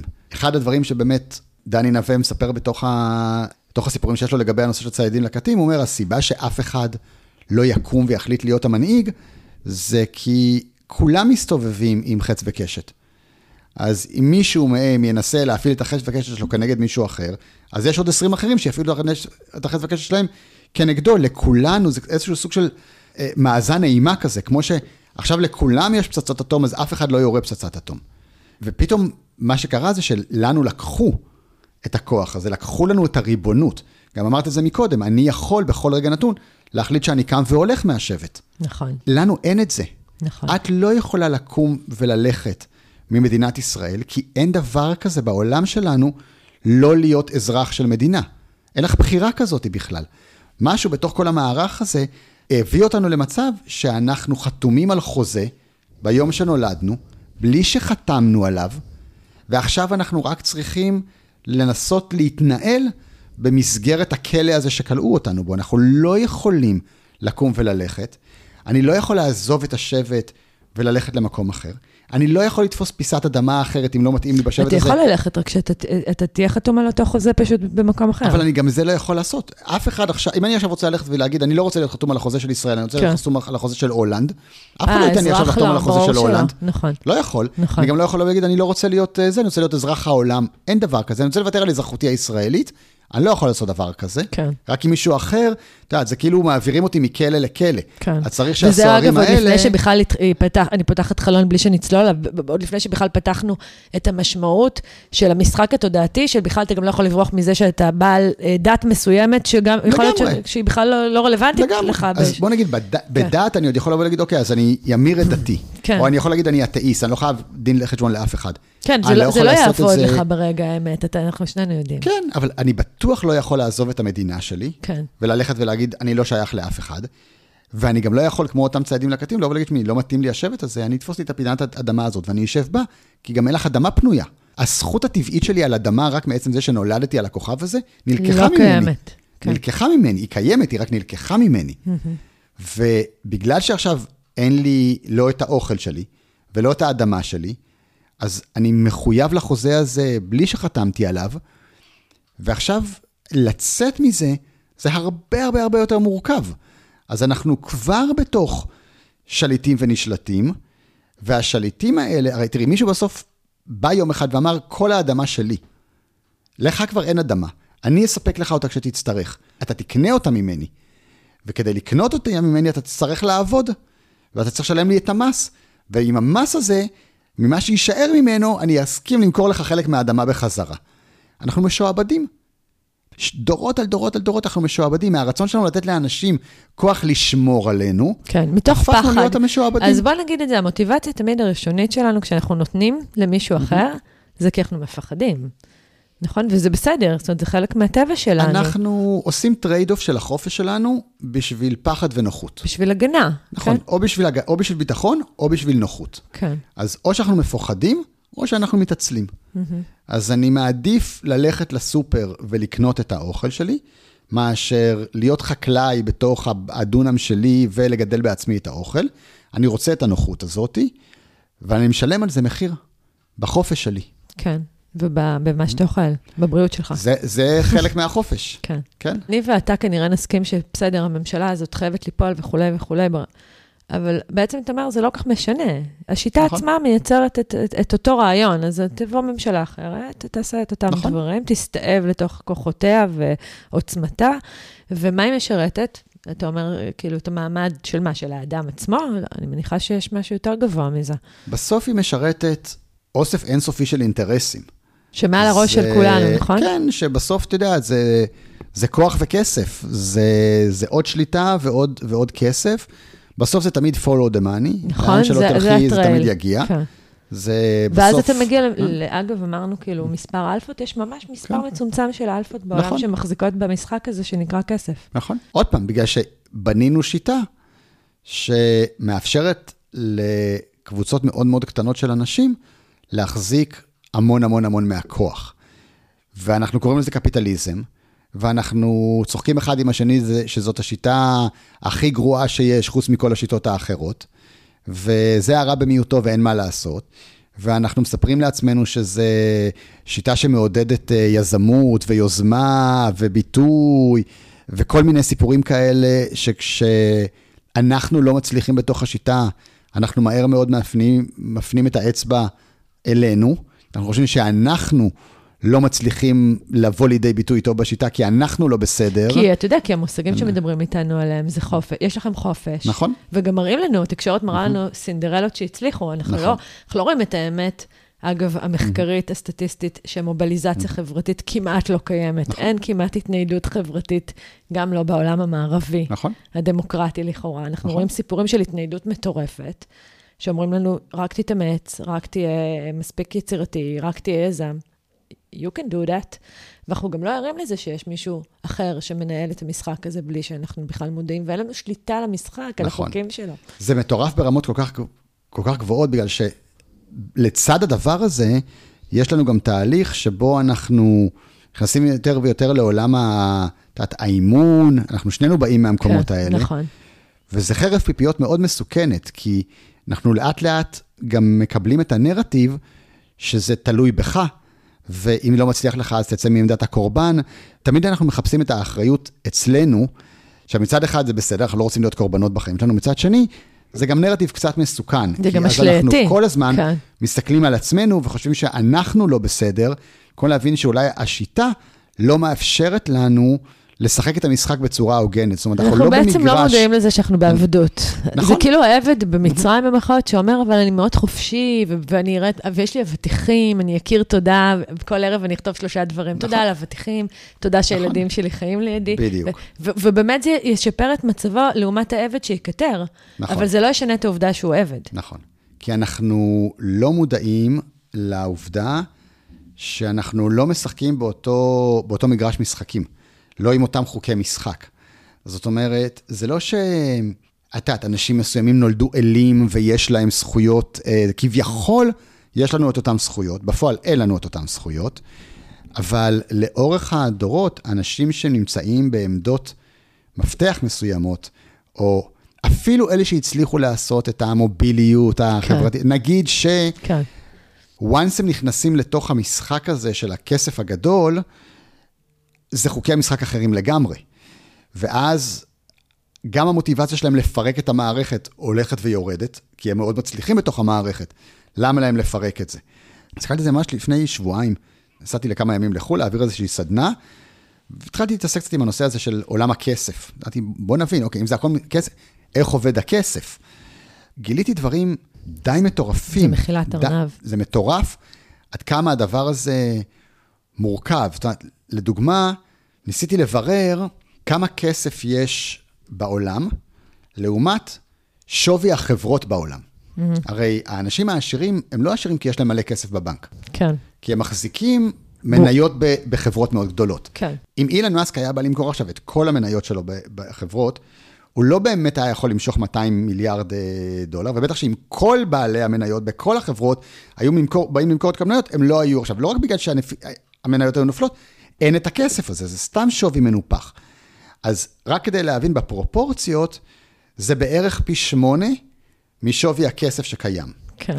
זאת אומרת, כשאת ואני הולכים למכולת לקנות, או אם אנחנו רוצים עכשיו להשקיע בעסק, את ואני צריכים להשקיע את הכסף האמיתי שלנו. נכון. האמיתי שלנו. נכון. אין לך יכולת להשקיע כסף שהוא לא אמיתי. אני לא יכולה לבוא עם בועה. אה? כן. עכשיו, לא אמיתי זה לא אומר שהוא מודפס, כי גם אנחנו לא מדפיסים, אבל לפחות יש אותו באיזשהו חשבון חיסכון או פיקדון. כתוב איפשהו אוקיי? דיגיטלית. יש, יש לך אותו ואת יכולה להעביר אותו. כשאילן מאסק בא לעשות עסקאות, זה לא עובד ככה. איך זה עובד? זה בא ועובד כאילו, אוקיי, אני רוצה לקנות את, את טוויטר ב-40 מיליארד אה, דולר. אז אוקיי, אז תראה את הכסף. אז הוא אומר, לא, אין לי כסף, אבל יש לי מניות שאני יכול אה, לשים אותן כנגד ההלוואה שהבנק ייתן לי. עכשיו, זה משחק מאוד מעניין, כי את קונה את מה שאת רוצה לקנות בעולם עם הכסף שכבר שילמת עליו מס. נכון? מהנטו שלי. אז את המעט שיש לך, את, רוצ... כאילו, את קונה רק ממה שיש לך, אצל אילן מאסק המשחק הוא אחר לגמרי. המניות שלו בטסלה לא ממוסות, כי אתה לא משלם מס על שווי המניות שיש לך. נכון. אתה משלם מס רק אם תמכור אותם, ואז יש לך רווח הון. כן. כל עוד לא מכרת אותם, זה סתם, זה כאילו, זה פיקטיבי, זה גם מחר יכול ליפול, על מה נגבה ממך מס. וכשאני בא לקרוא, לקנות את טוויטר, אז ה-44 מיליארד האלה, שאני צריך אותם עכשיו כדי לקנות, אני יכול לשים את המניות שלי של טסלה כערובה. אז רגע, אז זה כן שלך או לא שלך? זה כן קיים או לא קיים? זה לא קיים לצורך המיסוי, זה כן קיים לצורך ההלוואה. והוא משחק משחק אחר לגמרי. ממה שאתה ואני משחקים. אוקיי? וכשאת מתחילה להסתכל על איזה אחוז מחזיקים המאה האנשים העשירים ביותר בעולם, לגבי כל שאר האנשים האחרים, את רואה שהם, מאה האנשים העשירים ביותר בעולם, הם בעצמם מחזיקים פי שמונה מכל האחרים שבכלל מחזיקים משהו. עכשיו, כל האחרים שמחזיקים משהו זה אולי איזה 400 מיליון אנשים בעולם, כל שאר האנשים בעולם בכלל לא במשחק הזה. כן, אוי, חבל שאני צריכה להראות את ה... יש, יש מין כזה ממש אה, פאי כזה שמראים בו איזה אחוז מהאוכלוסייה מחזיק בכמה מהמשאבים, ואין את זה ביותר היררכיה נוקשה וקפיט... ודיקטטורה קפיטליסטית. זה מטורף, זה כן. מטורף. ואז אנחנו מוכרים את הסיפור שזה... כן, כי זה האנשים המוכשרים יותר, כן, תתאמץ, והחרוצים תלמד, יותר. תשכיל. בדיוק, ותעשה, ותיזום, ותנסה, ואנחנו כל הזמן מאדירים את סיפורי ההצלחה האלה. אנחנו בעצמנו מאדירים את סיפורי ההצלחה האלה. אנחנו אומרים, וואי, לא להאמין. אגב, אני אישית חייבת להגיד שאני עוברת התפתחות בהקשר הזה, כי באמת אני התחלתי מהמקום, אתה דיברת על הקטע של אימון וכולי, שגיליתי את הכבלים הפנימיים שלי שהתחילו במרכאות מבית אבא ואימא, והתחלתי לסדוק בהם, וגיליתי, וואו, שיש לי הרבה יותר חופש, ו... ואז אמרתי, כן, יש לי את הדרך כאילו לשלוט ולברות את המציאות שלי. ועדיין הכסף מבחינתי זה היה חלק מ, אתה יודע, יחסי הגומלין, בין תמורה, ערך, וזה דבר שכולנו משחקים את אותו משחק. לקח לי הרבה זמן להבין שיש עוד אבא ואימא להתכתב איתם עם חוקים שאני עוד לא ממש בדקתי בתוכי, וששם היכולת שלי לסדוק, ואולי בגלל זה זה הופך אותנו קצת עם הזמן ליותר מרירים במרכאות, או כועסים. היכולת שלנו לסדוק שם, או לנתץ את האלילים הפנימיים האלה, היא הרבה יותר נמוכה. את יודעת, זה מה שאנחנו זה כרגע... המטריקס. זה המטריקס, זה מה, ש... זה מה שאנחנו כרגע חוקרים בעולמות של היצירה המשותפת, שאני מתעסק בהם ב... בתקופה האחרונה, זה איך ממציאים מערכת כלכלית שהיא טיפה שונה. כי מה שקורה זה שהסיבה שכל כך הרבה, שיש מעט אנשים שמצליחים לצבור כל כך הרבה הון, זה כי חלוקת ההון היא לא הוגנת. מה זה אומר לא הוגנת? בסוף, כשג'ף בזוס שווה 200 מיליארד דולר, זה לא כי הוא עשה עבודה ששווה 200 מיליארד, מיליארד דולר, אלא כי מיליון העובדים של אמזון לא קיבלו תמורה ראויה ביחס לערך שהם יצרו, והוא גזר יותר ערך ממה שהם גזרו. הוא לקח יותר מהתמורה מהערך שהם יצרו. זה המנגנון. הרי אם הוא היה מחלק את כל הכסף בין כל העובדים בצורה שבאמת מייצגת את הערך האמיתי שכל אחד יצר, אנחנו צריכים לראות, זו חלוקה הרבה יותר שוויונית של הדבר הזה. עכשיו, כשאני אומר את זה, אז אנשים אומרים, לא, זה נשמע נורא מקסיסטי אז. כן, זה נורא מקסיסטי, זה נורא כן. קומוניסטי, זה נורא זה, אבל כשהלכנו לחקור את זה, את יודעת, אני. ועדי קמונסקופ, השותפה שלי בעניין הזה, לחקור את ה... איפה הבעיה, איך אפשר לבנות מערכת שמייצרת איזה שוויון מסוג אחר, אז עוד פעם, ה... האוטומט שלנו זה להגיד, טוב, אז בואו נעשה קיבוץ, אז בואו נחלק לכולם. כן, כאילו ככה לא. אנשים כן. אה, מקדרגים את הרעיונות החדשים בעניין הזה. אומרים, כן, ניסינו את זה, יש קיבוצים, זה לא עובד, ניסינו קומוניזם, זה לא עובד. אומרים, אוקיי, אבל אז זה לא עבד וזה לא עבד, בואו נבין למה זה לא עבד ומה אפשר להמציא אחרת. אז מה שקומוניזם וקיבוצים עשו, זה הם עשו אחידות, כאילו כולנו שווים. ובגלל שכולנו שווים, וזה לא באמת, כי כל אחד מאיתנו יש לו מוטיבציות אחרות, אנרגיות אחרות, רעיונות אחרים, כיוונים אחרים, כישורים אחרים, אי אפשר לחלק לכולנו שווה. כן. וזה יצר תחושה של, אה, כאילו, של תסכול. מהר מאוד, אתה יוצר, כן. כי אם אני עכשיו, אה, זה, כי זה לא פותר את בעיית מה שנקרא ה-free riders. Okay? אוקיי? אז מישהו באמת יש לו מוטיבציה והוא קם בחמש בבוקר והולך לחלוב את הפרות, ומישהו אחר אין לו כוח לחלוב את הפרות, וזה לא באמת הכישרון שלו. ואת יודעת, יונתן גפן ומאיר שלו כתבו על זה שאת יודעת, בנהלל, אז אמרו, אסור שהם ילכו לחלוב את הפרות. הם, הם המשוררים, הם צריכים לכתוב שירים, אין לנו, כן. הם לא עוזרים לנו בזה שהם קמים בבוקר לחלוב את הפרות. אתה לדעתי מתחיל להתממשק לאזור הגאונות. כן, זה, נכון. ושם, את יודעת, כל העניין הזה הוא מתחיל להיות... משמעות, אז איך מודדים את זה? זאת אומרת, אתה אומר, אם אנחנו יוצרים האחדה, אנחנו רוצים לשעות משאבים, אבל אנחנו גם מתייחסים אליך כאל אה, מייצר משאבים באופן אחיד, אז אנחנו חוטאים. נכון. כי, עכשיו, כי יכול להיות שאנחנו ראויים ושווים בעולם באותו אופן, אבל התוצר שאתה מביא והתוצר שאני מביאה, זה שני תוצרים שונים לחלוטין. נכון.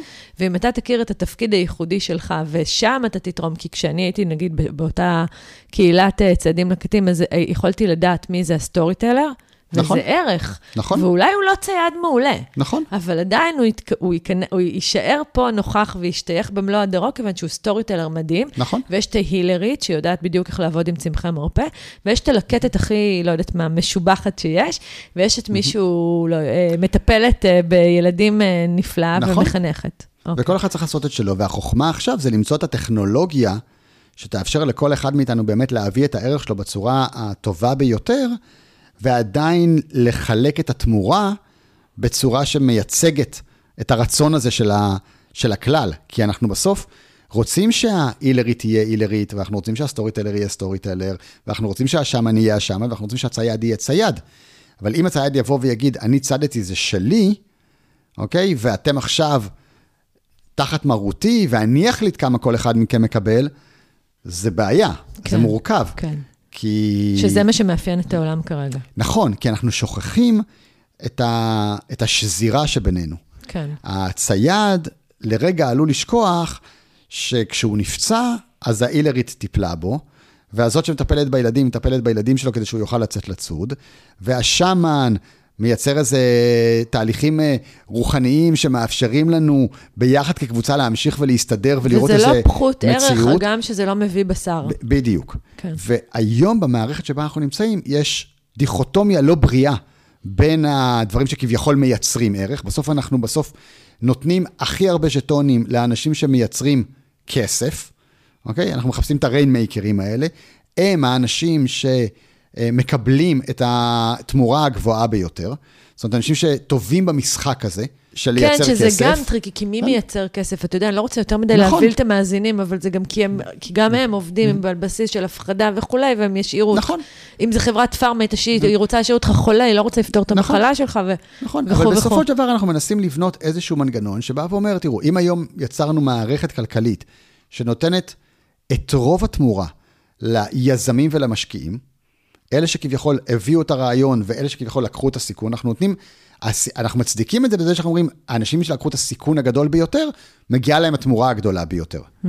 א', שאלה, האם באמת האנשים שלקחו את הסיכון הגדול ביותר, מגיעה להם התמורה הגדולה ביותר? זו שאלה בפני עצמה. ואם הייתה, זאת הייתה הסיטואציה, אז איפה כוחן של האימהות? בסדר? כי בוא, ברמה המשפחתית, הן לוקחות את הסיכון הגדול ביותר, כן. והן משלמות את המחירים הכבדים ביותר, אז בואו ניתן להן את הנתח הכי גדול. זה לא בא לידי ביטוי, אז זה לא תופס. הסיפור הזה של מי שלקח סיכון יותר גדול, גם מקבל תמורה יותר גדולה. וגם אם אנחנו מספרים לעצמנו את הסיפור הזה, אז בואו נגיד סבבה, אז בואו נחלק את הסיכון בין יותר אנשים. בואו נהפוך יותר אנשים ליזמים בתוך הפרויקט. כי מה ו... המוטיבציה שלנו? בעצם לייצר חברה יותר משגשגת בקרב רוב פרטיה, ולא מיעוט פרטיה. נכון. אנחנו בסוף מתחילים מזה שקרה כאן משהו אסון. אנחנו שנינו מאמינים שזה קשור. אולי תנסה רגע לייצר את הקשר, את הלינקג' בין המלחמה הזאת שקורית עכשיו, לבין כל המודל הזה שדיברת אותו בדקות האחרונות. אז תראי, בסוף, בגלל שאנחנו באמת שנינו באים מעולמות של uh, תודעה ואימון, ו... אז אני מנסה רגע להחזיר את זה פנימה חזרה אלינו. מה אנחנו צריכים ללמוד מהדבר הזה? על מה אנחנו צריכים להתבונן? אז נורא נורא קל לנו תמיד זה להתבונן החוצה ולהגיד שהאם, הם לא בסדר. כן. מה אנחנו בעצם באים ואומרים? אנחנו באים ואומרים, תראו את מנהיגי החמאס, הם יושבים בקטר על מיליארדים ומקריבים את האנשים שלהם. זה מה שאנחנו בעצם אומרים. ואני אומר, אוקיי, אז רגע, אז בואו נסתכל, אנחנו פנימה. תמונת מראה. כן, מה אנחנו אומרים? אנחנו אומרים, החמאס הם לא מנהיגים, הם שליטים, הם מייצרים טרור, הם לוקחים את כל הרווח, והאזרחים משלמים את כל המחיר. אוקיי, אז בואו נסתכל רגע עלינו. בסדר, להבדיל אלף אלפי הבדלות, מה קורה אצלנו, אוקיי? האם המנהיגים שלנו מנהיגים או שליטים? האם הם מייצרים איזה חזון לעתיד אה, מרתק אה, ו- ומעורר השראה, או מתחזקים איזושהי תודעה של פחד? האם הם מוותרים על המנעמים של השלטון ועל הכסף ועל הכוח ומעבירים אותו אלינו כדי באמת, כי הם רוצים בטובתנו, או שאף שר בממשלת ישראל מ-7 באוקטובר לא ויתר על המשכורת שלו. אבל אני כן ויתרתי על ההכנסה שלי. כן. האם משתמשים בנו כמגן אנושי, הגם שזה לא ברמה כן. הפיזית? ברור שמשתמשים בנו. ואגב, גם ברמה כן. הפיזית יהיה מי שיגיד. כן, אנשים קיפחו את. חייהם. ואנחנו המגן האנושי הכלכלי, כדי ש... זה לא שאמרו, אוקיי, עוצרים עכשיו את כל הכסף, שום אה, זה.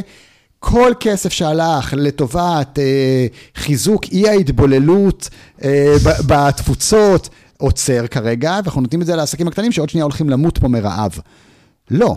אז אנחנו גם מוקרבים על מזבח הדבר הזה. אנחנו עושים בדיוק את אותו דבר שאנחנו מתלוננים שעושים לנו, וזה קורה בכל סדר גודל. זה גם מעלינו משוחקת מלחמה, וישראל היא פיון במשחק של ארצות הברית ונגד אה, רוסיה, רוסיה וסין. והגוש, ו- כן. זה הכל, ובסוף אתה אומר, אוקיי, אז מי זה מי כל האנשים מרוויח? האלה? כן, איך הוא מרוויח, ואיך אני הפכתי, איך הרגשות שלי, אמרנו שנתחיל, התחלנו מהרגשות, אמרנו, איך הרגשות שלי, שבסוף, אתה יודע, במודל אפרת, אנחנו יודעים שאירוע, פרשנות, רגש, תגובה, הרגש הוא דלק לפעולה, לתגובה. נכון. איך הרגשות שלי, בלי מודע, הם כלי שרת, כי כשאני באמת כועסת, או כואבת, אני רצה להתנדב, או שאני נכון. רצה להתגייס. נכון. ויש חיילים שנמצאים עכשיו, והם, או קצינים שהם באמת מגיעים בשיא טוב ליבם נכון. ומסירותם, והאומץ והגבורה שלהם, ובאמת מתכוונים, בוא נגיד ככה, פיהם וליבם שווים. מהמם. והם יגיעו לשם, והם יעשו נכון. את מה שהם יעשו באיזושהי מחשבה שהם באמת מגנים על ההורים שלהם, על האחים נכון, שלהם וכו'. נכון. ו... אז זה משרת, הרגשות האלה משרתים מישהו. ברור שהם משרתים. כן, פחד זה רגשות שמשרתים מעולה. אה, שליטה. שליטה. כן. כי אתה רוצה, אתה רוצה הגנה, כשאתה מפוחד אתה רוצה הגנה. ואתה פונה לאנשים שאתה חושב שמחזיקים את הכוח להגן עליך. אגב, בכלל האלגוריתם המוחי שלנו, שכמובן אפשר לראות אותו גם בטכנולוגיות, באלגוריתם הדיגיטלי, הוא לצערנו אולי במובן הזה, אבל זאת האבולוציה וזה מה שמאפשר לנו לשרוד, אז כנראה שגם לא לצערנו, הוא נוטה לשליליות. זאת אומרת, לפח, יותר קל למכור נכון. לנו איום איראני, rather than חזון אחרית הימים של שלום אה, במזרח התיכון. נכון, כי זה, ה... זה האינסטינקט החייתי שלנו. כן, זה המנגנון, ככה נכון, הוא זה בנוי. המנגנון שכשאני שומע את הרעש בשיחים, אז אני קודם כל אדאג אם זה נמר שבא לאכול אותי, לפני שאני אחשוב שבאים לעשות לי מסיבת הפתעה. כן, או שזה רוח היי, מערבית כן. קלה. כן. אז זה האינסטינקט. עכשיו, פה עוד פעם, אנחנו חוזרים למה שדיברנו בהתחלה, פה התפקיד התודעתי שלנו. פה לבוא ולהגיד, אנחנו, בתוך התהליך האבולוציוני שלנו, יצרנו מוח שמסוגל לחשוב מחשבות יותר מתקדמות, ומסוגל להתעלות מעל הביולוגיה. זה מה שאנחנו עושים. אנחנו כל כן. הזמן מתעלים מעל הביולוגיה אני שלנו. רוצה לכוות מחדש את נטיית השליליות שלי. בדיוק. ולהיות באמת באיזושהי, לפחות יומרה, לנסות להשוות בין רעיונות, ממקום שעושה אפליה מתקנת לאלה שזוכים למינימום התייחסות. בדיוק, זאת אומרת, אם הצלחנו להתעלות מעל לזה שאנחנו לא חיה מעופפת, והצלחנו לעוף, אז אולי גם אפשר להתעלות מעל הפחד ההישרדותי שלנו ולהגיד, אוקיי, יצרנו איזשהו עולם שבאמת אנחנו לא כל כך מפחדים כרגע מהנמרים, ואנחנו גם הגענו למצב שאנחנו לא באמת צריכים לפחד מלמות מרעב, כי אנחנו יודעים לייצר אוכל לכולם. אנחנו לא צריכים למות כל כך הרבה ממחלות, כי למדנו לרפא את עצמנו ברמה מסוימת. כאילו הגענו לכזאת רמת שכלול שהרבה מהדברים שבאמת הפחידו אותנו ברמה ההישרדותית, אנחנו הם לא מסוגלים תקפים כבר. להתמודד איתם, הם כבר לא תקפים. And yet. ובדיוק, אז, אז אולי באמת הגיע הזמן לעשות את הקפיצה התודעתית הזאת ולהגיד, רגע, אז השלב הבא של האנושות, זה כן היכולת להתחבר דווקא לסיפור של החזון, הסיפור של היצירה, הסיפור של העוצמה, החיים המשותפים האלה, הלהגדיל את היכולת שלנו. עכשיו, אנחנו עושים את זה.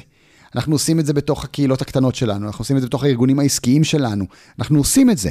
רק ה scale הוא עוד לא מספיק גדול. אני מרגיש כל הזמן נכון, שאנחנו כאילו... זה, זה, לא, זה בכלל... שלב אחד לפני ה scale השלם. מהמם שאתה אומר את זה, כי אני רוצה באמת לקחת לשם, כי אתה אמרת רגע, עוד פעם משקפת כדי לייצר אה, עבורי מבנה. כשאת, שאלתי אותך איך זה מתקשר למה שקורה ב, ה, במלחמה, ואתה אומר, הנה, בוא נשתמש במה שקרה. בצד השני נורא קל להגיד, כי הם, כי הם, כי הם, כל האם הזה, אם אכן מתחיל מתוכי, מה זה מספר עליי? הנה, המודל שדיברנו אותו קודם. השליטים שלי שהם לא מנהיגים שלי, שנורא קשה להבין את זה, אבל זה לא באמת אבא ואימא שדואגים לי, אלא אבא ואימא שמרוויחים מלייצר איזו נפרדות כדי לחזק שליטה ולהדק אותה, כדי לפרוט על הרגשות שלי. בסוף, אנחנו חיים בעולם שמתקיימת בו דואליות מאוד חזקה, שאנחנו לא יודעים איך לאבד אותה. ו- וזו המורכבות. מכירה את טרנס מקנה? כן, בטח. אז טרנס מקנה, אני מאוד אוהב לצטט אותו בקטעים מסוימים, כי הוא אומר דברים מאוד, מאוד עוצמתיים מהבחינה הזאת, וזה חוסך הרבה זמן בדרך, אבל אחד הדברים המאוד מעניינים שהוא אומר, זה, הוא מסתכל על, ה, על הבריאה, והוא אומר, התנועה שלנו היא תוצאה של מה? התנועה שלנו קדימה היא תוצאה של מה? היא יכולה להיות או תוצאה של אנחנו נדחפים קדימה בעקבות הדברים שקרו לנו, וכל צעד הוא שלב אחד קצת יותר ממה שכבר קרה לנו, ואז אם אתה מסתכל על זה, אתה אומר, מה הדבר הכי משמעותי להבין כדי להבין את הרגע הנוכחי? זה הרגע מה הקודם. מה קרה קודם, כן. זה הרגע הקודם, כי הוא זה שיש לו את ההשפעה הגדולה ביותר על הרגע הנוכחי. ואנחנו נדחפים על ידי הדברים שקורים לנו. זה קצת עולם של סיבה ותוצאה כזה כן, מין. נכון. אופציה אחת. אופציה שנייה, אנחנו נמשכים. ואם אנחנו נמשכים, Mm. אז הדבר הכי משמעותי למה יהיה השלב הבא, זה מה מושך אותנו. מה זה הדבר הזה? הוא יותר משמעותי מהרגע שהיה, כי הוא זה שיקבע לאן נתחיל ללכת. Mm. הוא מסתכל על זה והוא אומר, אני חושב, אנחנו רגילים לחיות בעולם שאנחנו מרגישים שאנחנו נדחפים. כל צעד מוביל את זה, ואנשים יסבירו לך שמה שקרה זה בגלל שאנחנו, אלוהים הבטיח לנו את ארץ ישראל לפני שלושת אלפים שנה, וזה כתוב בספר שלנו, ואז באנו לפה, ואז העיפו אותנו, ואז זה זה זה, יסבירו לך את כל שלושות העניינים ולמה הגענו לרגע הנוכחי. כן. והוא אומר, לא, אני רוצה לתת התבוננות אחרת, אני רוצה להגיד, אנחנו נמשכים. הוא אומר, למה אנחנו נמשכים? אומר, זה בכלל לא קשור לחוויה האנושית, זה הבריאה כבריאה. אנחנו נמשכים לרמת מורכבות הולכת ועולה. זה מה שקורה בבריאה. זאת אומרת, ניקח את האירוע המפץ הגדול, ו... ולאט לאט, את יודעת, המורכבות הלכה וגדלה. אז הפיזיקה הפכה לכימיה, והכימיה הפכה לביולוגיה, והביולוגיה הפכה ליצורים שיודעים לחיות גם מחוץ למים, ופתאום נהיו את החיות, ואנחנו סוג של איזה וריאציה מאוד מאוד מורכבת, מתקדמת. של חוויה כן. ביולוגית מסוימת, ואז בתוך החוויה האנושית, אנחנו כל הזמן רואים יותר ויותר מורכבות. אז קודם כל, הבריאה עצמה הולכת לרמת מורכבות הולכת ועולה, וגם אנחנו, בתור בני אדם, הולכים כל הזמן לרמת מורכבות הולכת ועולה. זאת אומרת, אז אם נסתכל על איפה היינו לפני מאות שנים ואיפה אנחנו היום, אז פעם היה אפשר לגור רק בשבט של ציידים לקטים של 150 איש, והיום אותך גם לגור בבתים של אה, מיליונים. ואם פעם היה אפשר להתפרנס רק מארבעה גידולים, אפשר היום להתפרנס מ-257 מיליון סוגים אחרים של עבודות. ואם פעם היה פורמט אחד של משפחה, היום יש 17 פורמטים של משפחה. כלומר, דרגות החופש לכאורה עלו. בדיוק. ואז, כשאת מבינה שזה מה שקורה, אז קודם כל הוא אומר, עד מתי? מה האנד גיים של הדבר הזה? הוא אומר, עד לרגע שבו הכל יהיה מחובר עם הכל. Everything is connected. זאת אומרת שזה הולך ל-allness, לאחדות. כן. ואז, כשאת מסתכלת על המצב שאנחנו נמצאים בו כרגע, את מצד אחד אומרת, כן, אין, אין ספק, ואי אפשר להתווכח עם זה בכלל, שרמת המורכבות הולכת ועולה. כן. מה עושים עם זה? אז מצד אחד תוכל לבוא ולהגיד, אוקיי, רמת המורכבות הולכת ועולה, מה שמעשיר מאוד את חוויית החיים האנושית. אני יכול להיות גם, גם בדת כזאת וגם בדת כזאת, וגם במדינה כזאת וגם במדינה כזאת, ואני יכול גם לעבוד בזה וגם בזה, וגם להתחתן עם ההוא וגם לגור עם ההוא, וגם להיות הורה יחיד וגם שישה ילדים וגם שני ילדים וגם לגור לבד, ומלא אפשרויות חיים יש. שזה מה שהבריאה מקדמת. היא מקדמת את המורכבות הזאת, היא מקדמת את החדשנות הזאת, היא מקדמת את העושר הזה. היא כל הזמן דוחפת לזה. מצד שני, זה כלי שרת בידי האנשים שרוצים לעשות הפרד ומשול, כי הם משתמשים במורכבות הזאת כדי לחזק את הנפרדות שלנו. אז נכון, זה מורכב להיות גם ערבי, גם מוסלמי וגם ישראלי. כן. היי? ואנחנו משתמשים בזה במקום לבוא ולהגיד, אוקיי, אז, אז אולי אם זה נורא מורכב, אז אולי לא הערבי, לא המוסלמי ולא הישראלי, זה מה שצריך להגדיר אותנו. אולי כל ההגדרות האלה פתאום נהיות לא רלוונטיות. אתה רגע מתחבר לסול, לבן אדם, אתה יודע, זה עוד פעם, כמו שדני נווה אומר בציידים כן. הקטנים, זה לא ה... מה זה? זה מי זה, כמו כן, שאת אומרת. זה לא פיל, זה איזה הפיל פיל זה? הספציפי, כן. נכון, אז פתאום זה לא דנה שהיא אה, אישה יהודייה ישראלית, ב... לא, זה, יש פה איזה... עכשיו, אין לנו בכלל את השפה, כן. אין לנו את הטכנולוגיה. עכשיו, ברור שהיא טכנולוגיה תודעתית.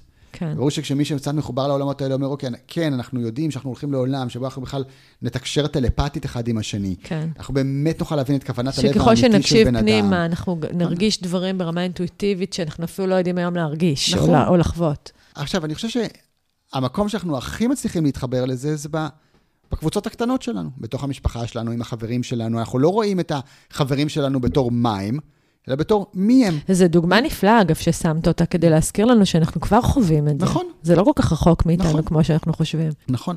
אנחנו רק צריכים להסכים להכיל את זה. בעיניי כל המשחק הוא רק זום אאוט. כן. עכשיו, אנחנו כבר כמעט שם. כי תראי, הגענו, כביכול, הגענו עד לרמת הזום אאוט של מדינה. אני בסוף מוכן איכשהו להחזיק איזושהי התבוננות מיטיבה עם אנשים שחולקים איתי לאום, או אדמה, או משהו. זאת אומרת, הנפרדות הפכה להיות כאילו, גם במשחק הנפרדות יצרנו כאילו קטלוגים, אז זה יכול להיות על הבסיס הבינארי הג'נדריאלי של אני אישה או גבר, נכון. הפרדה אחת. אחר כך זה יכול להיות על בסיס של אה, באמת אה, הדת שלי, אני יהודייה או מוסלמית נכון. או בודהית. ואתה אומר, יצרנו את זה גם בסקיילים גדולים יותר, אני ישראלית והם ערבים, או הם אה, מצרים, נכון. והם שוויצרים, וזה זה מספק לי כבר איזושהי תמונה. נכון, חס- וחסר לנו, חסר לנו עוד scale אחד. כי אם הגענו לרמת המדינה, אז בוא נגיע לרמת העולם. אם הגענו לרמת הדת, אז בוא נגיע לרמת כל הדתות. אם הגענו לרמת המגדר, אז בוא נגיע לכל המגדרים. זאת אומרת, כי אם אני יכול לבוא ולהגיד, אוקיי, אחיותיי הנשים, בסדר? מישהי יכולה לבוא ולהגיד אחיותיי הנשים, אז חסר לנו רק עוד, עוד מגדר אחד. אחיותיי ואנחנו- זה האנשים, כולנו. כן. כן, זה בדיוק, זה אחיותיי האנשים. החי. זו שיחה כל כך מורכבת ונפיצה, אני מה זה מקווה שאני חושבת שהיא משמעותית מאוד. אנחנו עומדים לעשות עוד שיחה, אגב, אה, בהקשר של באמת תודעת יהודי, ועד כמה יש כאן אלמנט של עליונות ונפרדות ומה אנחנו מרוויחים, אבל בסוף זה חוזר לסיפור הזה של אחדות, של נפרדות. דיברנו לפני שנפתח המיקרופון על זה ש... אוקיי, אבל זה המטריקס, ואני ואתה, עם כל הרצון והיכולת שלנו והניסיון שלנו לחתור לאיזושהי אמת, עם מלא סייגים, וזה קשה גם נורא לחתור לאמת, ולא אני ולא אתה יכולים בוודאות לסמן אביב ולהבטיח שמה שנאמר כאן עכשיו הוא בערך, אלא רק לשאול שאלות אולי שמובילות לשם. היכולת שלי לצאת משם היא כמעט אפסית, ודיברתי איתך על זה שאני מזהה שכנראה קיימת הטכנולוגיה היחידה שלי לזוז, זה רק בחוסר ציות, באי צייתנות. ואמרת לי, כן, אבל זה נורא פרימצ'ור. כי אני חושב שכרגע אי צייתנות זו, זו מלחמה שאנחנו לא מסוגלים לעמוד מאחוריה. כן, אני אישית יכולה, אני אומרת הכי אמיתי, אני, אני חושבת שזה יהיה לי מאוד מורכב לעמוד מאחורי. נכון. כן. אז אני חושב שלא רק שאנחנו לא יכולים לעמוד מאחוריה מבחינה פרקטית, זה לא שאני יכול לא לשלם אחר מיסים ולשאת בהשלכות לא, של אבל הדבר יכולת הזה. לא להתחסן לקורונה, ואתה בחרת נכון. לדעתי לא להתחסן, נכון. ושילמת מחיר. כן, בקטנה. לא טסת לחו"ל. כן, נכון. שם עוד יש לי. את יודעת, יש אי צייתנות בלא לעשות את הדברים שמבקשים ממני לעשות, אוקיי? כי בסוף יש איזשהו סוג של רובד קרמטי שמשאיר בחירה חופשית. עובדה, לא חייבו אותנו להתחסן ולא נכנסו אליי שוטרים בכוח הביתה לתת לי חיסון, כי זה כבר פגיעה ברמת החופש, הפרט... החופש הבחירה שלי, שהוא קצת מעבר לחוקי המשחק הקיימים כרגע. שוב, במקומות מסוגמים אחרים אולי זה כן היה קורה, אבל זה נגיד כרגע עדיין בתוך זה. התנגדות זה לבוא ולהגיד, אני לא משלם מיסים, למרות שאני צריך לעשות אותם. כן. להתנגד לפעולה שאני אמור לעשות אותה. כן. אוקיי, מחויב לעשות אותה. זה, אז זה כבר שתי, שני סוגים של חוסר צייתנות. כן, כן. זה כבר שניים. אוקיי? אז כן, אז לא הלכתי לקבל אה, חיסון ולא הלכתי להצביע בבחירות, כי אני יכול לבחור לא לעשות משהו שמצפים ממני לעשות. כן, זה, השאלה היא כאילו איפה אבל- הדיפולט. הדיפולט נכון. הוא לשלם מיסים, והלא דיפולט זה לא להתחסן. נכון. אז כן. עכשיו, פעולה אקטיבית של לא לשלם מיסים לצורך העניין, כבר ההשלכות הן הרבה יותר כואבות ברמה הפרטית. אבל לא רק בזה, אני מתכוון שגם ברמה התודעתית, כי בסופו של דבר, מה שהמציאות כרגע מבקשת מאיתנו, כדי ליצור עולם טוב יותר, אם אנחנו רוצים להמשיך להיות בתוך הביצה הזאת, אפשר להמשיך להיות בביצה הזאת. אבל מה שהיא מבקשת מאיתנו כרגע, זה המסוגלות שלנו להכיל רמת מורכבות הולכת ועולה. של מציאות. זה מה שהבריאה מבקשת. היא מבקשת אותנו להכיל רמת מורכבות הולכת ועולה.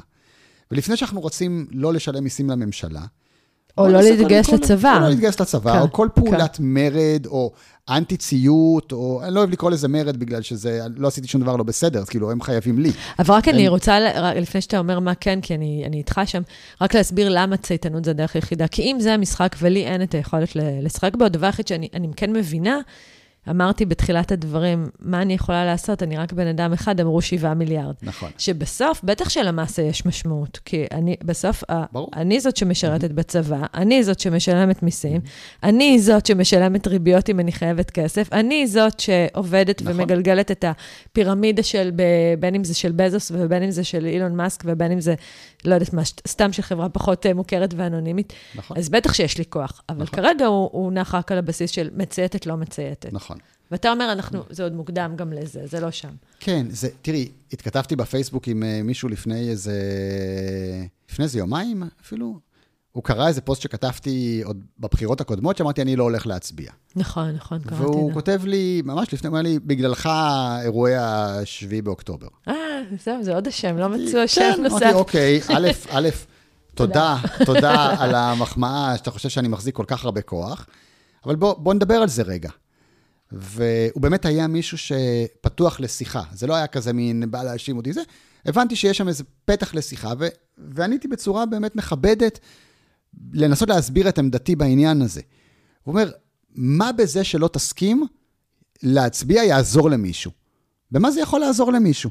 אוקיי? זה סתם אקט של כאילו, אז בגללך, מי שכן הלך להצביע, הביא אלינו את מה שזה. הוא אומר לי, אתה חייב לך לבחור משהו, כאילו, זה לא את האנשים האלה, אז תבחר את האנשים כן, האלה. אגב, זה באמת כן. נכון, כי זאת הזמנה, זה נורא מפחיד שאז אנחנו נופלים לפסיביות, וכאילו אנחנו לא נכון, מעורבים נכון.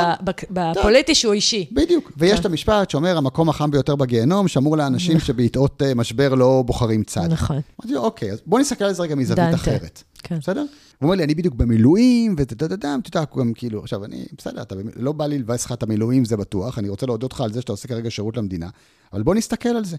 אומר לו, תחשוב שאתה מגיע ביחידה שלך, ויש אה, בן אדם דתי ביחידה. ואתה אומר לו, תשמע, מה שאתה יכול לבחור עכשיו לאכול, זה בין אה, מנת שרימפס לבין אה, מולים. אלה שתי האפשרויות. מה תבחר? ואני אומר, יש מצב שאותו בן אדם יבוא ויגיד, אני מוותר על הארוחה. אני יוצא מהמסעדה אני הזאת. מוותר על הארוחה. בצבא, אני אומר, תחשוב שזה בצבא. זה מה שמגישים לכם עכשיו ביחידה. אלה שתי האפשרויות שלו. האם יכול להיות שהבן אדם יבוא ויגיד, אני מעדיף לוותר על ארוחת ערב?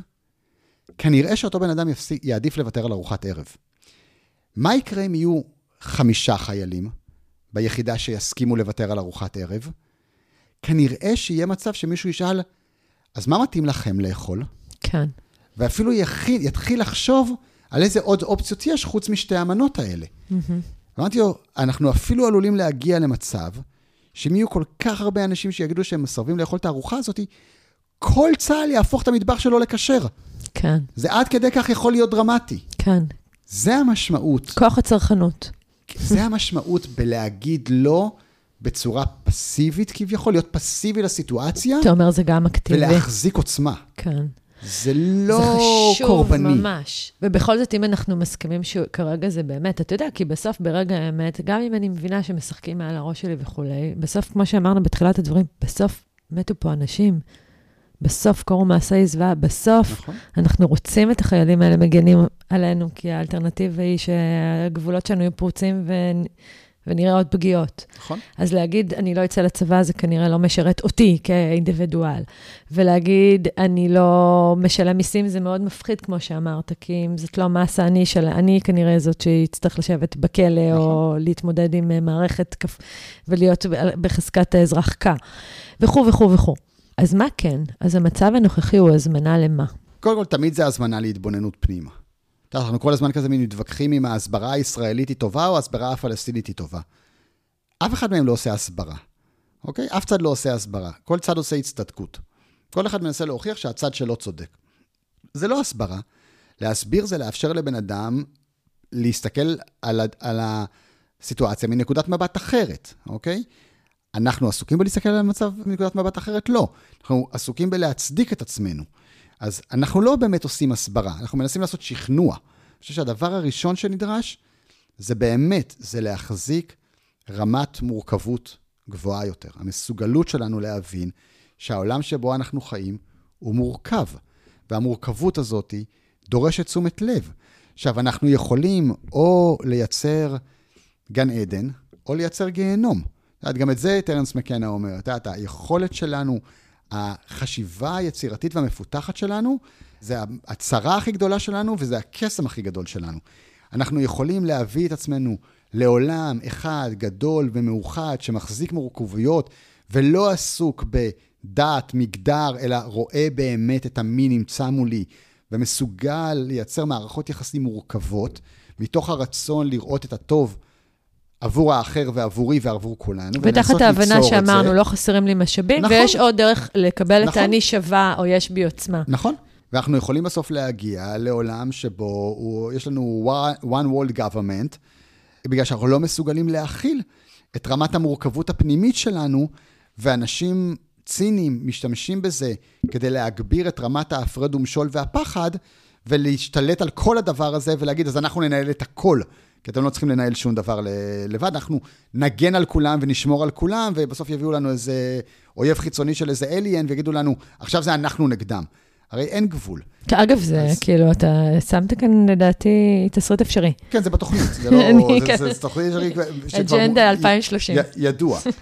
אז אנחנו יכולים לבחור, האם אנחנו רוצים להיות עולם אחד, גדול, מחובר, מחזיק מורכבות, שמחפש את הפנימיות, הטהורה שלנו, או אנחנו רוצים להיות עולם אחד תחת ממשלה אחת שמתחזקת כל הזמן את רמת הנפרדות שלנו. בסופו של אני באמת באמת באמת מנסה להחזיר את זה לאיזשהו מקום של פרקטי, שהבן אדם היחיד מסוגל לעשות עם הדבר הזה משהו, ואני חושב שבסוף, אם אנחנו רגע, כל אחד מאיתנו יעשה את השיעורי בית הפרטיים שלו, וישאל את עצמו, איפה אני בתוך ה... המרחבים הפרטיים שלי יכול רגע להחזיק רמת מורכבות יותר גבוהה של הוויה אנושית. בסוף זה כל הרעיון. כל הרעיון זה שאנחנו קיבלנו פה מרחב של בחירה חופשית שמאפשר מגוון כל כך עשיר, והשאלה אם אנחנו רוצים לראות את העולם כמו הפרחים הלבנים הם נגד הפרחים השחורים, או הכחולים, או האדומים, או שאנחנו אומרים, זה המתנה. כן. המתנה היא המגוון, אני, אני רוצה השפע, גם עץ זית וגם העושר. עץ תפוז וגם עץ אפרסק, והם לא, לא מתחרים אחד נכון, בשני. נכון, וזה, וזה ברור לי שכן, יכול להיות שאם העץ זית יצמח יותר, אז הוא יבוא על חשבון התפוז באיזשהו מקום, בסיטואציה מסוימת. ואיכשהו הם הצליחו לקבל, הם, העצים, הצליחו להבין את זה. הם איכשהו, את לא חווה את הטבע כמלחמה אינסופית, עצים עולים על עצים אחרים, משתלטים עליהם, כל הזמן יש אה, מלחמות ביער בין העצים. לא. לא. יש איזה משהו אחר. יש משהו אורגניזמי אחד שמשרת. בואו ננסה כן. להתחבר לזה רגע. בואו ננסה לחבור לדבר הזה. בואו ננסה להכיל עולם שבו מצד אחד, כן, יש חיים ומוות, אחד אוכל את השני כי אין דרך אחרת לשמר את ההתחדשות הזאתי, ומצד שני יש איזשהו כבוד להוויה הזאתי. זה מורכב, זה להחי, להחזיק איזושהי תודעה מאוד אקולוגית רחבה נקרא לזה. כן. אבל אם נצליח לעשות את זה... ולא פשטנית ולא שחור נכון, לבן. אם כן. נצליח לעשות את זה, אז זכינו בגדול. ואם לא נצליח, אז אנחנו נהיה במלחמות אינסופיות. אז קודם כל בואו נבדוק בינינו לבין עצמנו, איפה כל אחד מאיתנו יכול להחזיק רמת מורכבות קצת יותר.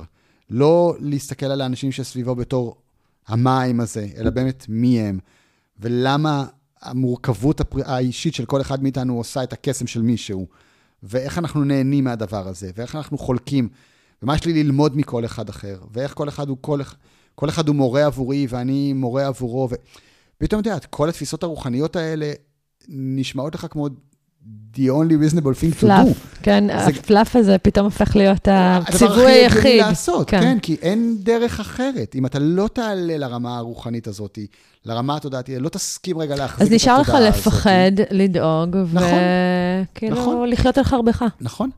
אז, אז חייבים להחזיק גם את המורכבות הזאת. גם את ה... להיות אה, מורה לצלילים מרפאים, וגם להחזיק M16 מתחת למיטה באיזשהו מקום. איזה מטורף. זה מטורף. וזה, וזה המצב. וזה המצב.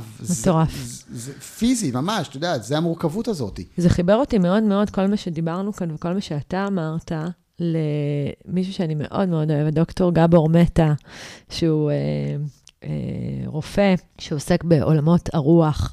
אה, רופא, אגב, יהודי במקור, ניצול שואה, מהונגריה, קנדי היום, והוא נותן דוגמה, כי הוא מדבר על זה, הוא אומר, יש לו אה, המון התייחסות לכל הנושא של הנפרדות, והוא אומר שכשאומרים שאדם הוא אנוכי או גרידי או, חמ, או חמדן, אומרים שזה הטבע האנושי. הוא אומר, זאת הנחה מוטעית. הטבע האנושי הוא אמפתי ומשתף פעולה. זה לא אומר שאדם לא יכול להיות אנוכי או גרידי או תחרותי או נרקסיסט, הוא יכול, אבל זה לא הטבע שלו. והוא אומר, נרמלנו מאוד אגרסיביות, אנוכיות ואינדיבידואליות בזמן שלא היינו הופכים לבני אנוש, אם זה הטבע הנורמלי. הנורמלי זה לחיות בקהילתיות. ואז הוא אומר שבאי לקורט, שבאים הקנרים, אם אדם חולה, אומרים לו תודה, כי המחלה שלו היא עדות לאי תפקוד של הקהילייה כולה. וזה ממש לקח אותי. ואני רוצה להגיד את זה נורא בזהירות, כי אני יודעת כמה זה נפיץ, כי זה לא כדי להגן על אותם אנשים שלדעתי נפשם מאוד לא חופשית, והם חיים בעבדות שקשה לי אפילו להתחיל להבין אותה, והם אור שהתבלבל, האויב שלי. זה לא כדי להגן על המעשים הנפשעים, הנוראים, הבלתי נתפסים שלהם, אלא כדי להגיד שזאת המחלה הזאת שקורית כאן, יש לי גם אחריות עליה, של הקהילה הבינלאומית, של הקהילה האנושית שאנחנו, ויש כאן מקום לשאול שאלה, איך הגענו למצב כזה, ולמה? למה אנשים הורגים אנשים? נכון, זה, זה בסוף שיקופים מאוד חזקים של תודעה שאנחנו... מה החזון שלך? אתה יודע, ברמה, אני מניחה שאתה לא יכול להתנבא, אבל מה החזון האופטימי? גם אם זה לא יקרה בימי חיינו שלנו. שנצליח לעשות את, ה... את הזום אאוט הזה לרמת האנושות כולה. שמה שאנחנו יודעים היום, כבר לתחזק בבתים שלנו, ובקהילות שלנו, ובקבוצות הקטנות שלנו, נוכל להחזיק את זה עבור 8 מיליארד אנשים. נוכל רגע לשבת ביחד ולהגיד, כמו שאנחנו יכולים לחלק את האוכל שבמקרר בין ארבעה אנשים במשפחה, אנחנו נוכל לחלק את האוכל בעולם בין כל האנשים שצריכים לאכול. וכמו שאנחנו יכולים לחלק את הבית בין כל דיירי הבית ולוודא שכולנו איכשהו מצליחים כן. להסתדר, ולא כל אחד הולך לישון במיטה של מישהו אחר דווקא, אז נצליח איכשהו לחלק את האדמה בינינו. ואם אנחנו מוכנים להחזיק בתוך בית את האמונות השונות שאנשים מחזיקים, אז נסכים ברמת העולם להחזיק את האמונות. אז כאילו אתה רואה בזה איזושהי, נגיד, אם אני מסתכלת על זה, על אבולוציה תודע, תודעתית, כאילו, אנחנו בכל זאת מתפתחים בתודעה שלנו, אפשר לראות את זה סביב יחסים בתוך הבית, ועדיין יש לנו עבודה לעשות בלהשתחרר מכבלים של נפרדות, של תחרות, של נכון. שליטים וכיוצא נכון. באלה. וזה להגדיל את ה scale פשוט. זה ראייה אופטימית. להגדיל את ה scale. וואו, תקשיב, אני בדרך כלל לא מקליטה כל כך הרבה זמן, אבל אה, לא רציתי להפסיק אותך, זה נשמע לי מרתק, ואני חושבת שזה זמן, זה צו השעה בתפיסה שלי להרחיב אה, הסתכלות ותודעה. אז המון המון תודה על הזמן הזה ועל ההשקעה. תודה על האירוח, כן. ואיך היה לכם? מקווה שנהניתם בנימה אישית בפרקי הפודקאסט מושקע זמן, מחשבה ומשאבים בניסיון לזקק ערך משמעותי, לאפשר למידה, הגמשת תודעה וכלים מעשיים. השיתופים שלכם, ההמלצות ברשתות החברתיות, ההודעות המרגשות שלכם ותמורות אמיתיות בחייכם, כל אלה הם שכר משמעותי עבורי. אני מודה לכם מקרב לב. ניפגש כאן שוב, הפעם בעוד שבוע. בינתיים, תפתחו את הראש, תעלו בטוב, ושיהיה שבוע טוב.